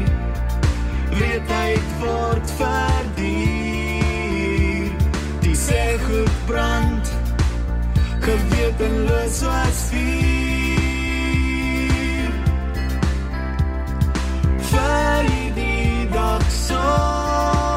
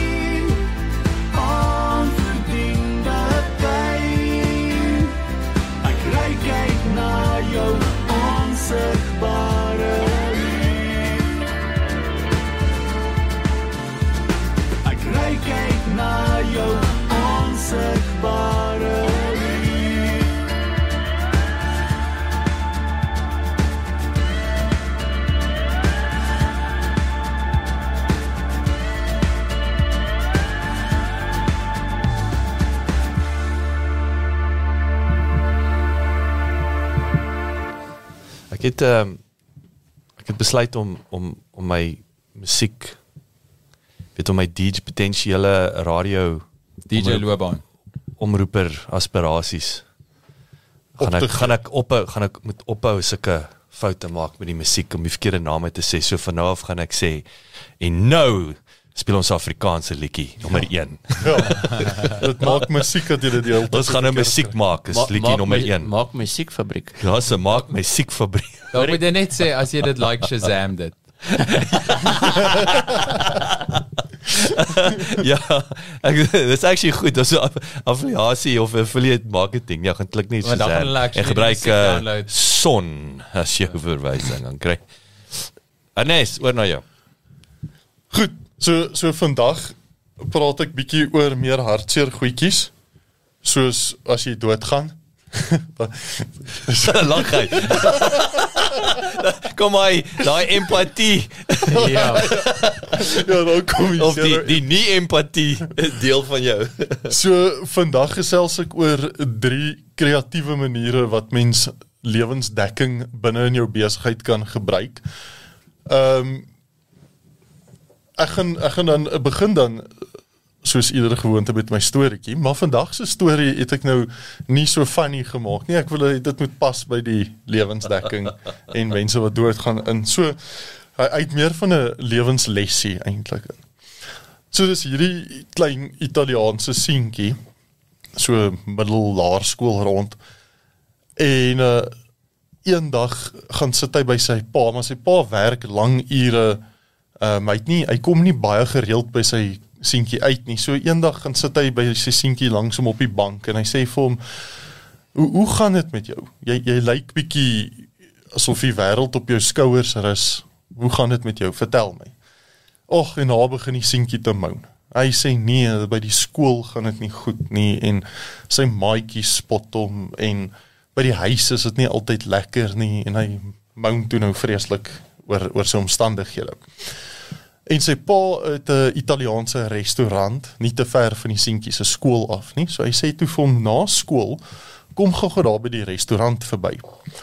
En ehm um, die dag na skool gaan die seentjie by die restaurant verby en ehm um, sy pa wag toe vir hom in die kombuis. Toe hy in die kombuis instap, is daar drie potte water wat kook. En sy pa sê toe, "Oké. Ons gooi in die eerste pot, gooi ons 'n wortel. Die tweede pot gooi ons 'n uh, eier in sy dop. En in die derde pot gooi ons 'n paar koffiebone. En hulle gee dit so 20 minute om om in die kookwater te lê en toe hy klaar is, haal hy nou al drie die content uit die potte uit en hy sê toe vir hom goed. Die warm water in hierdie storie is is die omstandighede. Sy so kom ons kyk wat het die omstandighede aan die wortel gedoen. En hy vat weer die masher en hy mash die mo- wortel pap. Hy sê omstandighede het hierdie wortel pap gemaak. So so dit is hoe dit vir my lyk dit wat met jou begin te gebeur. Nou haal die eier uit. Hy sê maar pas op dat die omstandighede jou nie hard begin te maak nie want die eier was baie fragile in sy doppie gewees, maar nou het die omstandighede hom kliphard gemaak. En hy sê maar kyk wat het die koffiebone gedoen. Die koffiebone het die omstandighede gaan verander. Die kookwater het in 'n wonderlike koffie uh um omgeskakel en dit het uit sy eie omstandighede gaan verander. So dit is bietjie in die lyn van be the change you want to see in the world tipe effek. So wanneer ons moeilike omstandighede het, veral in besigheid en en dalk waar ons 'n vernoot in 'n besigheid uh, um, afstaan aan die dood, dan moet ons daai omstandighede kan beheer en en die beste daarvan maak. Maar dan nou voor ek dan nou begin te gesels oor oor die lewensdekking en hoe mense dit kan implementeer, voel ek ons moet ten minste net 'n ligte puntjie ook hê. So dan is dit nou gou-gou tyd vir 'n grappie. net net so om so seker te maak ons gaan nou nie te kon nie kon homself nie inhou nie. Ja, wel ek het nou net gedog toe jy praat oor die bone, weet jy, wat jy dan met he's been there, weet. ja, been there dan that. Got the Pap pap coffee. pap wortel. Ek het Wag vir vir punchline man el. Nee nee, dis hoekom ek sê dit is 'n hele uh, ernstige storie gewees, okay. ja. Maar maar nou op 'n op 'n slightly minder as jy in ernstige vriespad klim nee. of dan kry jy papwortel of harde eiers. Beide.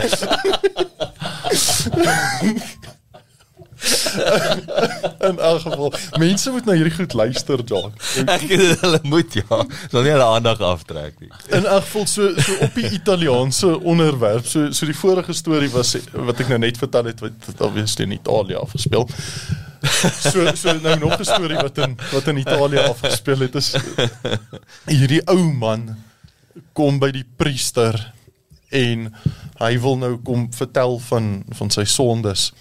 En hy sê vir die priester priester ek het 'n 'n storie wat ek vir jou moet vertel.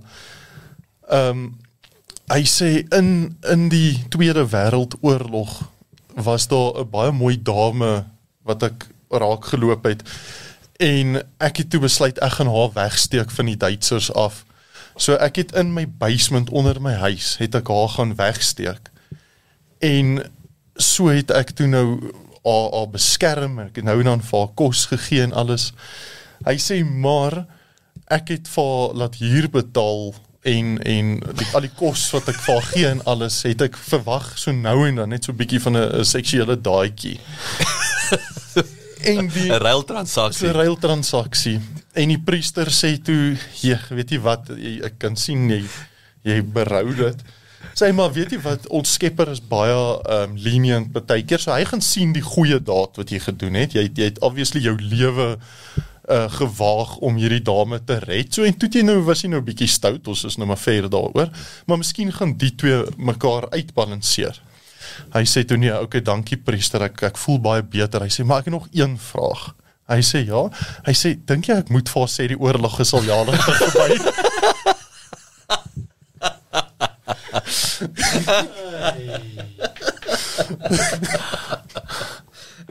Tog. in elk geval. Ek het ek het nou maar net gevoel ons kan nie van daai een sware storie af direk in in lewensdekking ingaan nie want dan gaan dinge te swaar raak. So daar's ons drie drie punte wat ek vandag vinnig wil wil bespreek. Drie plekke waar ons ehm um, strategies dekking in jou besigheid moet inbring. En baie mense verstaan dit nie heeltemal die implikasies van hierdie tipe goed nie. So die een een ding is 'n uh, contingent liability. Nou laat ek so vinnig gou net in 'n gevalle studie net verduidelik wat dit behels en en waarom daar dekking vir hierdie tipe goederes in plek behoort te wees. Gestel jy is twee besigheidseienaars en soos vir die besigheid jy wil 'n bietjie skuil en die twee besigheidseienaars gaan bank toe en en neem 'n lening uit van sê maar 2 miljoen rand as as 'n voorbeeld. Nou kom ons sê 'n uh, uh, persoon A in hierdie besigheid, hy ehm um, doen die dag tot dag se operations, hy bestuur die span, hy bestuur die targets, hy werk bietjie met die kliënte en al daai goeders. En persoon B is meer weer in die strategiese uh, uh finance in en en die forecasts en al daai tipe van goedes. So die dag toe hulle daai lening uitgeneem het, dan gee die bank vir jou nou so lekker vet pakkie dokumente om te teken en jy lig net daai hoekies en teken elke bladsy en jy kry die geld. Want jy gaan mos nou deur jou besigheid maand tot maand daai lening terugbetaal. Nou wat dan gebeur? Sê maar persoon A in hierdie besigheid gaan dan nou dood. Wat mag gebeur is die bank mag nou skrik kry. Hulle sê wag wag, hierdie ou het 'n baie sentrale rol in die besigheid gespeel en hulle weet nie of hierdie besigheid dit gaan survive sonder persoon A nie. En op daai stadium mag hulle sê nee, ons die die kontrak het saam met daai ou se dood hierdie kontrak verval en ons eis nou daai volle 2 miljoen nou terug. Hmm. Nou wat die bank dan doen is hulle gaan soek die maklikste plek om daai geld terug te kry. So die eerste een van die eerste plekke waar hulle sal kyk is hulle sal kyk na die besigheid se bates. Nou as jy byvoorbeeld kyk na my besigheid, my grootste bate in ons besigheid is 'n 100 kg se printer ultrent. Ek meen ons werk nie met ons het ons het lessenaars, ons het printers, ons het maar maar oor dit dit meer 'n dienste tipe besigheid is. Ons het nie groot masjinerie en en daai tipe van goed nie. So jy gaan nie daai 2 miljoen se waarde by my besigheid kry nie. Waar's die tweede maklikste plek dan nou of die volgende plek waar die bank daai geld gaan soek en dit is in die oorlewenoot se boedel. So hulle kan die volle 2 miljoen eis op daai boedel. So nou het nou die persoon A het bietjie paar rand gehad, hy dalk 'n eiendom of twee gehad wat hy los vir sy gesin, vir sy klein kinders wat hy nog het en ewe skielik kom die bank en sê ons staan voor in die tou hierso. Ons gaan hierdie huise verkoop uit jou boedel uit en ons gaan daai 2 miljoen daar uit vir onsself terugvat. Nou nou twee dinge sou het hier verkeerd gegaan in hierdie scenario. Die eerste ding is wanneer mens 'n kontrak teken vir skuld of of ehm um, surety teken, moet mens daai surety split. So byvoorbeeld as ek en Mareno vennote is, dan moet ek sê ek teken 50% van die sure want ge, wat nou gebeur gewoonlik is ons al twee teken 100%. So die bank kan nou enige kant toe gaan om dit te gaan haal.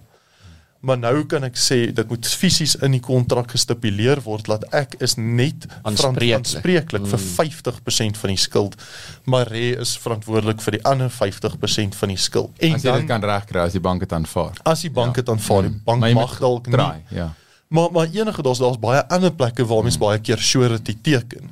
En as daar twee vennote is, moet mens so ver as moontlik seker maak dat jy 50-50 of as daar drie vennote is 33 of die aandeel wat jy in die besigheid het soveel surety ehm um, blootstelling vat jy dan nou aan.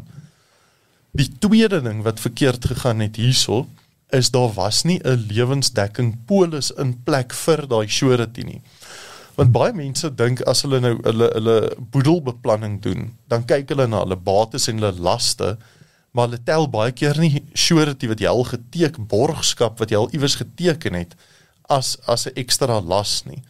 Want maak nie saak waarvoor jy al borg geteken het nie. Die dag wat jy doodgaan, gaan hulle nie sê okay, maar Pietie betaal ons elke maand daarom af, so ons is fine nie. Hulle gaan sê kom ons gaan haal daai volle bedrag uit die boedel uit. En dit is baie belangrik veral vir besigheidseienaars dat jy be, bewus is hiervan en die regte uh, hoeveelheid lewensdekking in jou beplanning in het om seker te maak dit sink nie jou gesin se finansiële toekoms vorentoe nie. So ek ek wil net gou vra vir Anes, is dit praktyk so jy het net die voorbeeld genoem sodat ek meen dit kan gebeur, maar is dit praktyk in in die bankwese wat sê as dit gebeur dan as daar iemand doodgaan by default gaan doen ons skuldinvordering. Ek ek vra uit 'n uit 'n leuke perspektief uit. Dit gebeur relatief dit hang af oor die soos wat Jacques vroeër vandag sien die bank hou nie van risiko nie. Mm. En sodra hulle voel dit is nou 'n groter risiko, nou dat een van die vennote afgesterf het, moet hulle besluit dink hulle hierdie vennoot wat agterbly kan daai besigheid aan die gang hou. En as jy dit nie vir hulle kan bewys dat jy capable is om daai besigheid te run nie, dan dan mag hulle en en sal dit dan doen as as dit vir hulle 'n groter risiko is. Ernest, 'n interessante situasie wat ek onlangs mee te doen gehad het was 'n uh, stigter van 'n besigheid, 'n maatskappy.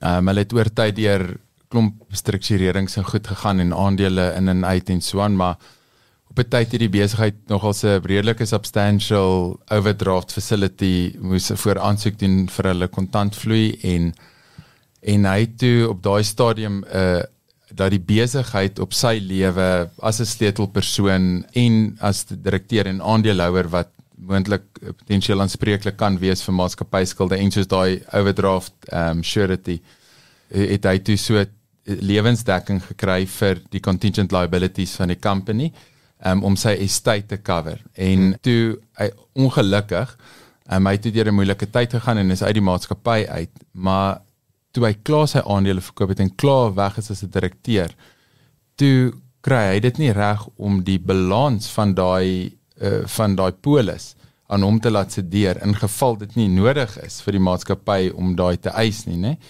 En en boonop toe kon hy ook nie daan slag met maatskappy te dwing betyds om daai premie te betaal nie en die polis het verval en mm -hmm. op sy ouderdom kon hy nie herkwalifiseer nie en hy sou 100 keer daai premie moes betaal en en dit wys jou net ook hoe complicated of hoe tricky dit kan wees nê nee, en hoe versigtig 'n mens moet wees dat jy dink ja kry hierdie polis in plek maar jy weet wat Jacques sê van die shareholders agreement jy weet dis dis nog as detail om aan en om daar in te sit en sê luister hierdie polis moet gediens word deur die maatskappy solank as wat ek nie gevrywaar is van van aanspreeklikheid nie en dan wil ek dit na my toe kan sedeer vir in my boedel toe vir ingeval ek dalk nie weer vir so 'n polis kan aansoek doen suksesvol nie. Juis, die die goeters kan baie ingewikkeld raak en dit is ook waarom dit baie belangrik is om saam met hierdie tipe ooreenkomste of of, of idees 'n behoorlike ooreenkoms te hê, 'n behoorlike polis daarmee saam te hê want 'n uh, contingent liability is tipies 'n polis soos wat jy nou gesê het,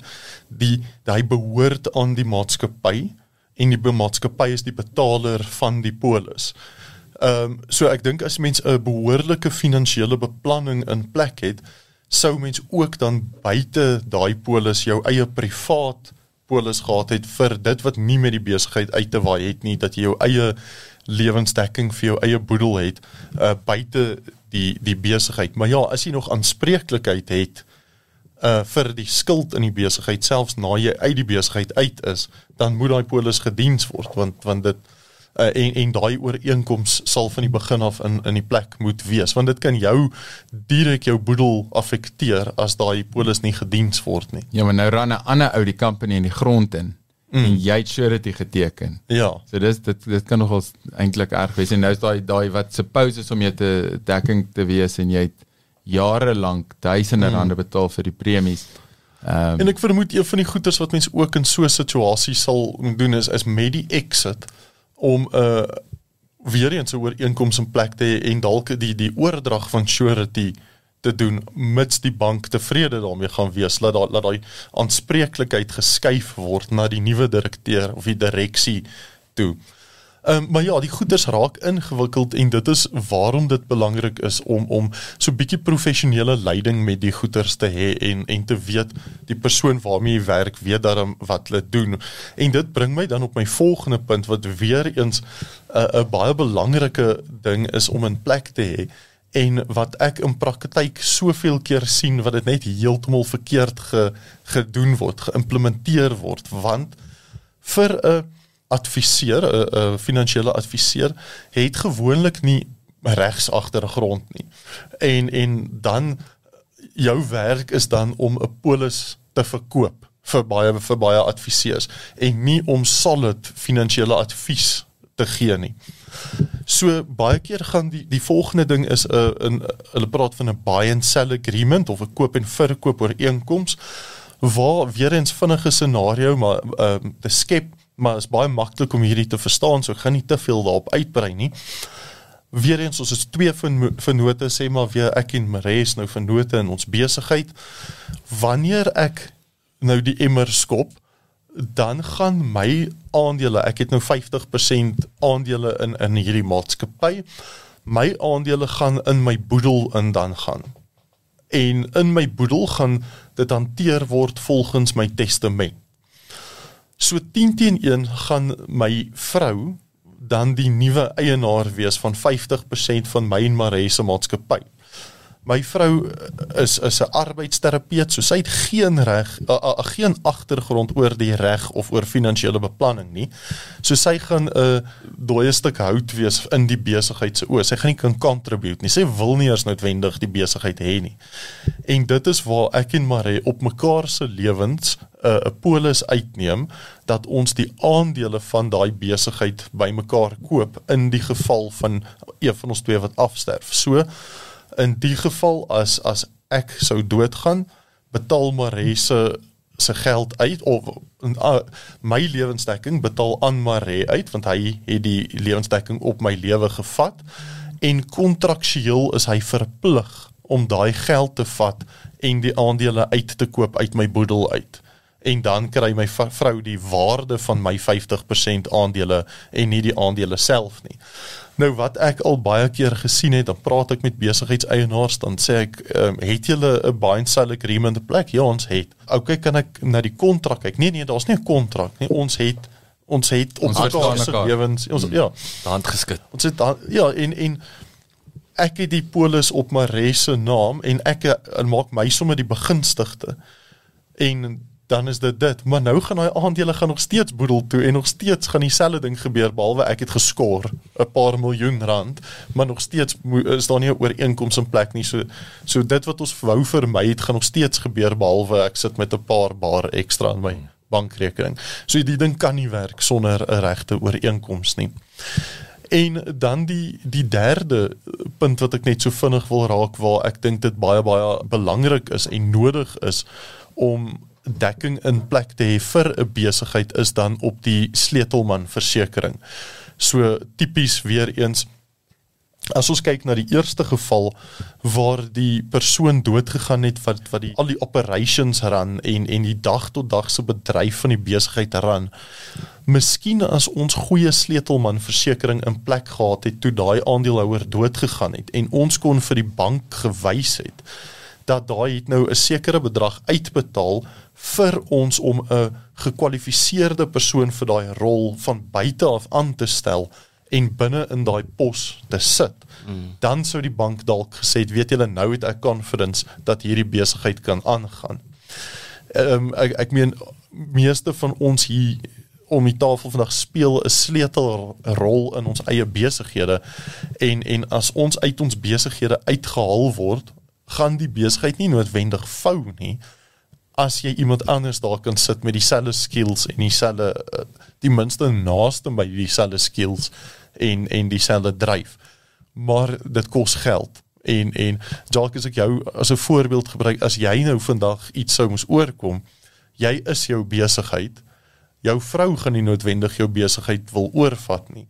Maar wat as ons iemand kan aanstel om hierdie besigheid aan te vat en verder te dryf en potensieel te koop dan as mens nie wil hê slegte voorbeeld Ernest.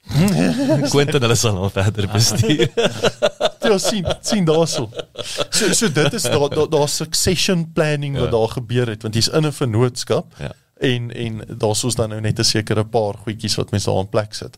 En dit is min of meer my storie dan. Ehm um, drie drie sleutelplekke in 'n klein besigheid al Ek dink wanneer moet jy aan hierdie goeters begin te dink wanneer jou side hustle groter as jou uh, uh, as dit jou maandelikse inkomste word. as jou besigheid jou brood en botter is, dan moet jy hierdie goeders in plek kry. Jy hoef nie te wag tot jy 'n hele board of directors en 'n uh, panele vol mense het nie. Dit het baie buzz factor. Yes. Dankie Anes. Ons het ons If het if the buzz get hit, if the basket dit hitten. Ons het uh ek wil net ons upper load shedding. Ek wil net um, ek wil hier vir julle speel nou. Dis die laaste ding is is uh, FC Rademeier. Jy's is FC is 'n skerminkel. Hy's onder die Parel. Hy stuur vir my gisterand hierdie hierdie ding op WhatsApp. So luister jy, ek gaan hom speel. Ek hoop hy speel. I will never quit drinking. I will never quit drinking. I will always make sure that I can keep my body healthy enough so that I can always drink. I love seeing a sunrise with a cocktail, seeing a sunset with a cocktail, having friends walk into your house with a bottle of wine, getting on a plane. Can I get you something? Double jack on the rocks. Lots of rocks. I love the moment someone says, "Hey, we should get a drink," and you and uh-huh. you're not supposed to. That feeling, it's like a first kiss. You don't get that first kiss when kisses when you're married. You get to have those first drinks at a brunch. Someone goes, "Should we do mimosas?" And then the waiter goes, "Actually, we have bottomless mimosas," and you're like, "This is gonna be the best day ever." Dude, you just hype me the fuck up. you just hype me up, bro. That was like a locker room speech. Yeah, That's pretty inspirational. I should speak at AA meetings. What? Wat? Julle moet 'n heerlike naweek hê. Dankie julle geluister het en uh sterkte vir die week. Cheerio. Hoi, sayonara. Dankie. Bye.